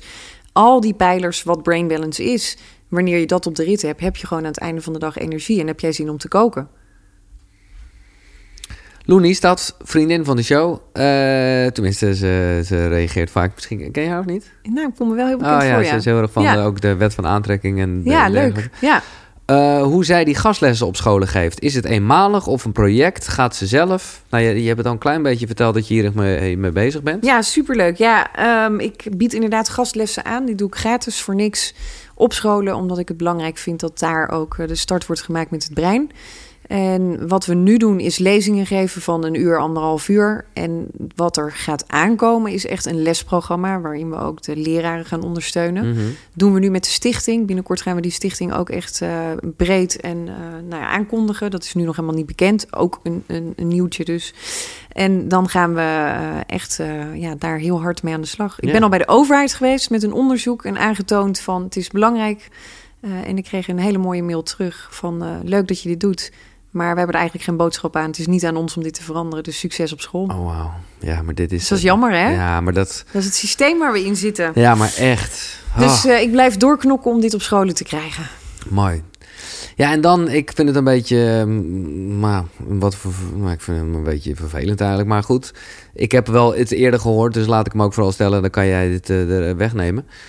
Of je dit ook bereikt had zonder financiële injectie van je man. Ja, wauw. Ik vind hem heel mooi dat hij gesteld wordt. Ja? Eh, Oh, want wie weet is, Denken is mensen er, dat? Is er een financiële injectie geweest? Ik heb geen idee. Nou, dat, eh, ik weet Dus- wel eh, in je, wat schrijf je in je boek met de kleding. eh, Met de kleding Ja, wel. ja. En daar, daar hebben we heel veel geld verloren. Ja, precies. Dus dat doet hij nooit meer. Dus die injectie... nee. nee, maar het is een beetje... Ik, ik- Dus het is natuurlijk het stigma. En dat is meteen die programmering. Hè? Dus, dus vroeger had ik dit een vervelende vraag gevonden. Omdat ik dan mezelf in een hoek had voelde zetten. Hoe zeg je dat? jouw man Maar is nu vind ik hem heel mooi. want- rijk baasje, goede gast. Tenminste, ik ken hem niet, maar wel van naam. Jan Lok van de, de Decibel en zo. Ja, toch? ja, klopt. Zit, ik weet, ja. Of zit hij helemaal niet meer in die business? Ja, ja, ja, Oh, ja, doet hij eh, met Wouter Ja, ook van. Mandali. Maar ehm, het is natuurlijk een programmering van mensen dat als je geld hebt, dat je iets kan bereiken. Ik ken zat mensen die eh, geld hebben en niks bereiken, geen missie en geen doel hebben. En ehm, het is natuurlijk heel jammer als jouw brein geprogrammeerd is dat als iemand een man naast zich heeft of vrouw die het goed gedaan heeft in het leven, dat jij dan zelf ook succesvol kunt zijn. Ja. Want zo is het niet. Jij zegt, Eh, en een ik hele heb mooie... dus- het zegt gewoon meer iets over Het die zegt mensen. iets over het brein van diegene. En Lekker. er zit geen financiële injectie in. En daar ben ik super trots op. Ja. I did it all my way. Eh, op mezelf, met mezelf. En ehm, ja, Nou, met dat deze, kan iedereen. met deze positieve power ben ik toch blij dat ik... Want ik dacht, ik zie hem hier staan. Ik denk, nou, dag. Ik, eh, ja hoor, maar, gewoon stellen. Nee, ja. maar ik, ik kan het nu heel mooi eh, inzien dat ik denk... cool man, jouw brein denkt zo. Ja. Eh, hoeveel verandering is er nog mogelijk in de hersenen van de mensen? En dat is heel veel. Maar hoe is hij dan? Is hij niet in de categorie, zeg schat, wanneer eet ik weer gewoon even een frikandel speciaal? Nee, nee. nee, hij is ook inmiddels geherprogrammeerd. Ja, nee, precies. dus het is, bij ons thuis is het gewoon één groot mooi brain balance experiment. Maar die wil ook niks anders meer. Nee. nee, maar dat is het. Maar dat is... En dat vind ik echt heel krachtig van jou. Dat je dus inderdaad ook het niet moet zien als iets onthouden van je. Hè? Dus iets niet mogen of juist iets moeten. Dan, ja, dan ga je het niet tot in de eeuwigheid volhouden. Nee, natuurlijk niet. Nee. Nee. Terwijl als je het echt ziet als... En eten hoeft dus niet altijd lekkerder zijn, maar als iets... Functie. En je gaat Ja. je er beter door voelen. En wanneer je er iets voor terugkrijgt en je krijgt die beloning op een positieve manier, dan wil je brein op een gegeven moment niks anders meer. In het begin is dat lastig. Ja. Het brein houdt niet zo van verandering. Kan heel goed veranderen. Maar eh, pas wanneer je ook echt daadwerkelijk ziet... hé, hey, ik krijg er iets anders voor terug. Even een vraag over jullie. Het is een vraag die ik altijd stel. hoor. Dus misschien, eh, heb je iets met tantra? Tantra? Ja? Nee, maar nou, nee, ja... Oh, eh, wacht, ho. Ehm, tantra zag ik altijd als op de erotische beurs, je, nee, seksbeurs, ding, dat. Die, die, die, die, dat stigma heeft het. dat stigma, ja, exact. Ja. Maar dat is dus weer mijn breinprogrammatie. Dus ik zeg ja, nee, Mooi. ho, stop. Hm, mooi. Want een vriendinnetje van mij is eh, helemaal die tantra-hoek ingegaan. En zij vertelt mij hele mooie, bijzondere dingen daarover. Ja. Dus ik vind dat wel ook wel iets heel interessants. Maar ik weet er te weinig vanaf. Ja, nou, ik denk dat het, eh, eh, dat het best nog iets moois kan opleveren. Misschien voor, eh, nou ja, je hebt al twee boeken genoemd ongeveer nu. Dus, Ja. maar omdat het heel erg gaat over gevoel vanuit jezelf. En hoe dat in energie gaat met andere mensen. Ja. dus ja, en het ik- puur zijn, hè, dat Ja. vind ik zo mooi. Het is letterlijk, je doet je, je gewaad uit wat je draagt in de wereld. Eh, en je bent wie je bent. En dat, eh, dat vind ik het mooie wel van tantra dan. De- tot zover mijn kennis. Nou daar ja, weet ik er dus ook niet van. Nou, duidelijk. Heb je nog... eh, nou ja, je bent echt waanzinnig goed bezig met allemaal dingen die eraan komen. We- Nou ja, het boek over de smoothies wat eraan komt. En, Ja. en nu net dus ook dat jij andere coaches gaat opleiden. ja, Heb je nog verder grote ambities? Of nou ja, laat ik de vraag stellen die je een paar jaar geleden op Ibiza niet durfde te horen. Eh, wat eh, doet eh, Charlotte Labé over vijf jaar? Ehm Ahoy, vol. Oké, bam. Ja, Lekker. en internationaal. Maar je vol met toekomstige coaches of met gewoon mensen die... Ehm, beide. wel gewoon bij... Ja, ja. ja dus, dus de ambities zijn groot, maar ik, ik droom ook groot. Ik durf ook groot te dromen. Dat heeft me ook gebracht waar ik nu dan ook weer ben. En ehm, ja, dat zie ik gebeuren, maar ook internationaal. Eh, ik zie dat op LinkedIn mijn volgersgroep ook eh, zich vooral heel erg bevindt in Londen. Heel Ja. typerend, want ik post niks in het Engels, nog niet. Ehm, maar dat is de meest stressvolle stad van Europa. En eh, ja, ik zie me daar ook wel seminars geven en lezingen. En, nou, dan gaat het gebeuren. ja, de sky is the limit. Ja. Het is niet voor niks dat mijn kind ook Sky, Sky heet. heet, ja. ik zal je eerlijk zeggen, Charlotte, ik snap, maar ik hoop dat jij, ik snap even één dingetje niet meer wat ik heb opgeschreven. 10 3 2 1 0. Oh, 10320. Ja, weet ik wel wat je daarmee bedoelt. Slapen. En Oh, dat is ja. een hele leuke... Nou weet ik even niet die, die naam van die eh, professor spiritueel in. Het staat, het staat erin, Ja, maar ja, 1032... Het is letterlijk 10 uur voordat je gaat slapen geen koffie. Eh, drie uur voordat je gaat slapen Oh, ja. geen eh, eten. Dat staat hierin, ja, hè? ik heb hem omgevouwen, want ik vond het dus blijkbaar wel... echt- Ja, van eh, Craig Ballantyne. Dus inderdaad, eh, tien uur voordat je gaat slapen geen koffie. Drie uur voordat je gaat slapen geen eten, zeker geen alcohol. Twee uur voor je slaap geen werk meer. Eén uur voordat je wil gaan slapen geen screens meer. Telefoon, tv. En eh, nul staat voor de keren dat je de knop van het snoezen indrukt. Ah, en dan ja. heb je goede slaap en dan word je goed wakker. Ja, van Craig Ballantyne. Mooi. En lukt die bij jou? Ik moet zeggen, die, die, die, die laatste één vind ik toch lastig hoor. Die snoes of eh, Nee, nee, nee. schermpjes? De schermpjes, ja. Ehm, ik, kijk, ik kijk series die ik ook leuk Ja. vind. Maar dat doe ik vooral met mijn man dan, zeg ja, maar. nee, dat is ook een stukje... Eh, een en als ik, eh, ja, precies. En als ik alleen ben, dan gaat de tv dus niet aan. Nee. En kan ik ook echt om acht uur zeggen: telefoon, huppatee, weg. Maar er zijn ook momenten dat ik s'avonds om kwart voor elf nog op Instagram zit. Dus eh, nee, it- Nee, it's, ja. it's, ik ben ook niet almighty. Ik nee, ben ook nee, niet. Maar dat is ook ja. het mooie. Je hebt gewoon, ja, dat is weer het waanzinnige. Je hebt gewoon heel erg geleerd. En eh, hè, een, een, een, een dieptepunt bereikt. ja, en ik pas het voor 80, 90 procent eh, heel goed toe. Ja. En eh, soms weet ik ook echt wel dat, dat ik het niet goed doe. Maar dan denk ik, ja, nou ja. En, en nou ja, dat heb ik nu al een paar keer genoemd. Spread heel erg die, die wijsheid. Ik zal een linkje in de beschrijving meer zetten over de Brain Balance Coaching. Ja, Kan je daar nog iets over kwijt? Gewoon- Ja, we gaan echt. ehm, ik heb een neurowetenschapper, een psychiater, een neuroimmunoloog, waarmee we de training helemaal gaan opzetten. Dus maar we gaan even een echt de Nederlandse vraag. in. Hoe duur is het duur? 2500 euro. Dat bedoel ik. Het is een tiendaagse opleiding en dan ben je gecertificeerd als brain balance coach. Dan komen er later allemaal weer verdiepingen op in, hè, want het is niet dat je binnen tien dagen alles weet, maar Nee. dat, dat is met alles. Kunnen we een soort koekeroekorting doen? Ik, heb- we hebben dit niet eh, besproken. Eh, kunnen we een soort koekeroekorting doen? Ehm, nou, je moet eerst level 1 doen. Dus dat is het, het jaarprogramma wat nu gaat Ja. starten in september. Die hebben we eh, nu weer opengezet. Het zit heel snel vol. Het is een groep van 30 mensen. Dus eh, die is 2300 euro. Wat is een, leuk, wat is een leuke korting? ja, weet ik Eh, wel. Ik heb geen idee hoor. Misschien eh, eh, heb je dit eerder gedaan. Nee, nog nooit. nee, dus Nee, nou ja. korting van 5% op die, dat is dan 2300 euro. Hoeveel is dat eigenlijk? Wat geef ik hier nou weg? Ja, precies. Ik zit even te kijken. Ik ben hier ook heel slecht in. eh, 4 keer 5 is 20. Twee, Dus, eh, iets van eh, 100... eh, Nou, dat is wel dat is toch aanzienlijk hoor. wat geef ik weg dan? Ja, ik ben er gewoon heel slecht in rekenen. Maar, oh nee, 5% natuurlijk. Dus dat is een twintigste. Dus dat is, ja, precies. Dat is... Iets van eh, 120 euro ja, of zo. ja. Nou, zullen we dat doen dan? Oké. Dus 120 euro korting op de... Dat is dan de jaartraining, dat is level 1. En als je die gevolgd hebt, kun je naar level 2... en dan ben je daarna gecertificeerd coach.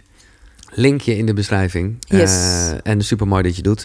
Laatste vraag. Nou ja, heeft hier heel erg mee te maken. Nou, eerst even, hoe kijk je aan tegen de dood?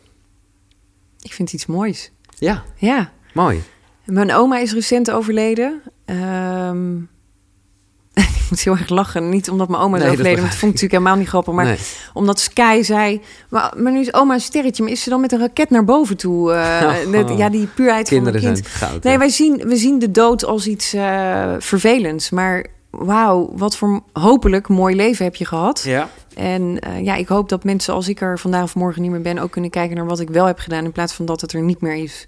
Dat, dat is precies eigenlijk de vraag die eraan ten grondslag ligt. Hoe wil je herinnerd worden? Ja, als iemand die wel een verandering in de wereld heeft gebracht. Met een missie en eh, daarvoor geknokt heeft. Ja. Dus het is ook niet altijd even makkelijk. Nee, ik bedoel, nou ja, het komt soms ook over voor mensen... ja, maar jij bent feilloos en jij, jij doet het allemaal maar... Eh, maar daar, daar, daar, het is gewoon keihard knokken. Dat weet jij als geen ander. Ik bedoel, eh, niks gebeurt vanzelf. Nee, maar goed, je kan dus wel... Dat is wel mooi dat we hiermee afsluiten, want dat is waar. Maar je kan dus wel heel veel aanpassen, ook aan je conditionering... waardoor bepaalde dingen wel vanzelf gaan. Ja, En dat maakt het leven wel... in ieder eh, geval gelukkig zijn iedere dag. Ja. Top, Charlotte. Echt, eh, ja, dank voor je komst en voor je tijd. Het duurde allemaal langer dan ik dacht. Maar dat was gewoon omdat, eh, nou ja, omdat je gewoon heel fascinerend bent. Nou, en, en zoveel weet ook en zo. Ja, geweldig. Laten we afspreken dat op het moment dat het nieuwe boek daar is... eh, dat je zeker weer langskomt. Tenminste, Hartstikke leuk. Zeker, gaan we smoothies maken. Ja, precies. Ja, Dankjewel hè. jij bedankt. Eh, Charlotte Labé, eh, nou ja, ik zal een linkje natuurlijk plaatsen op de site. Precies. Koekeroe.nl, dus K-U-K-U-R-U.nl. En daar vind je ook de linkjes naar Charlotte Labé dus. Eh, bedankt voor het luisteren. Vergeet niet duimpjes omhoog te doen, delen, sharen, alles, je weet het. En graag tot de volgende. Zonnegroet. Hoi!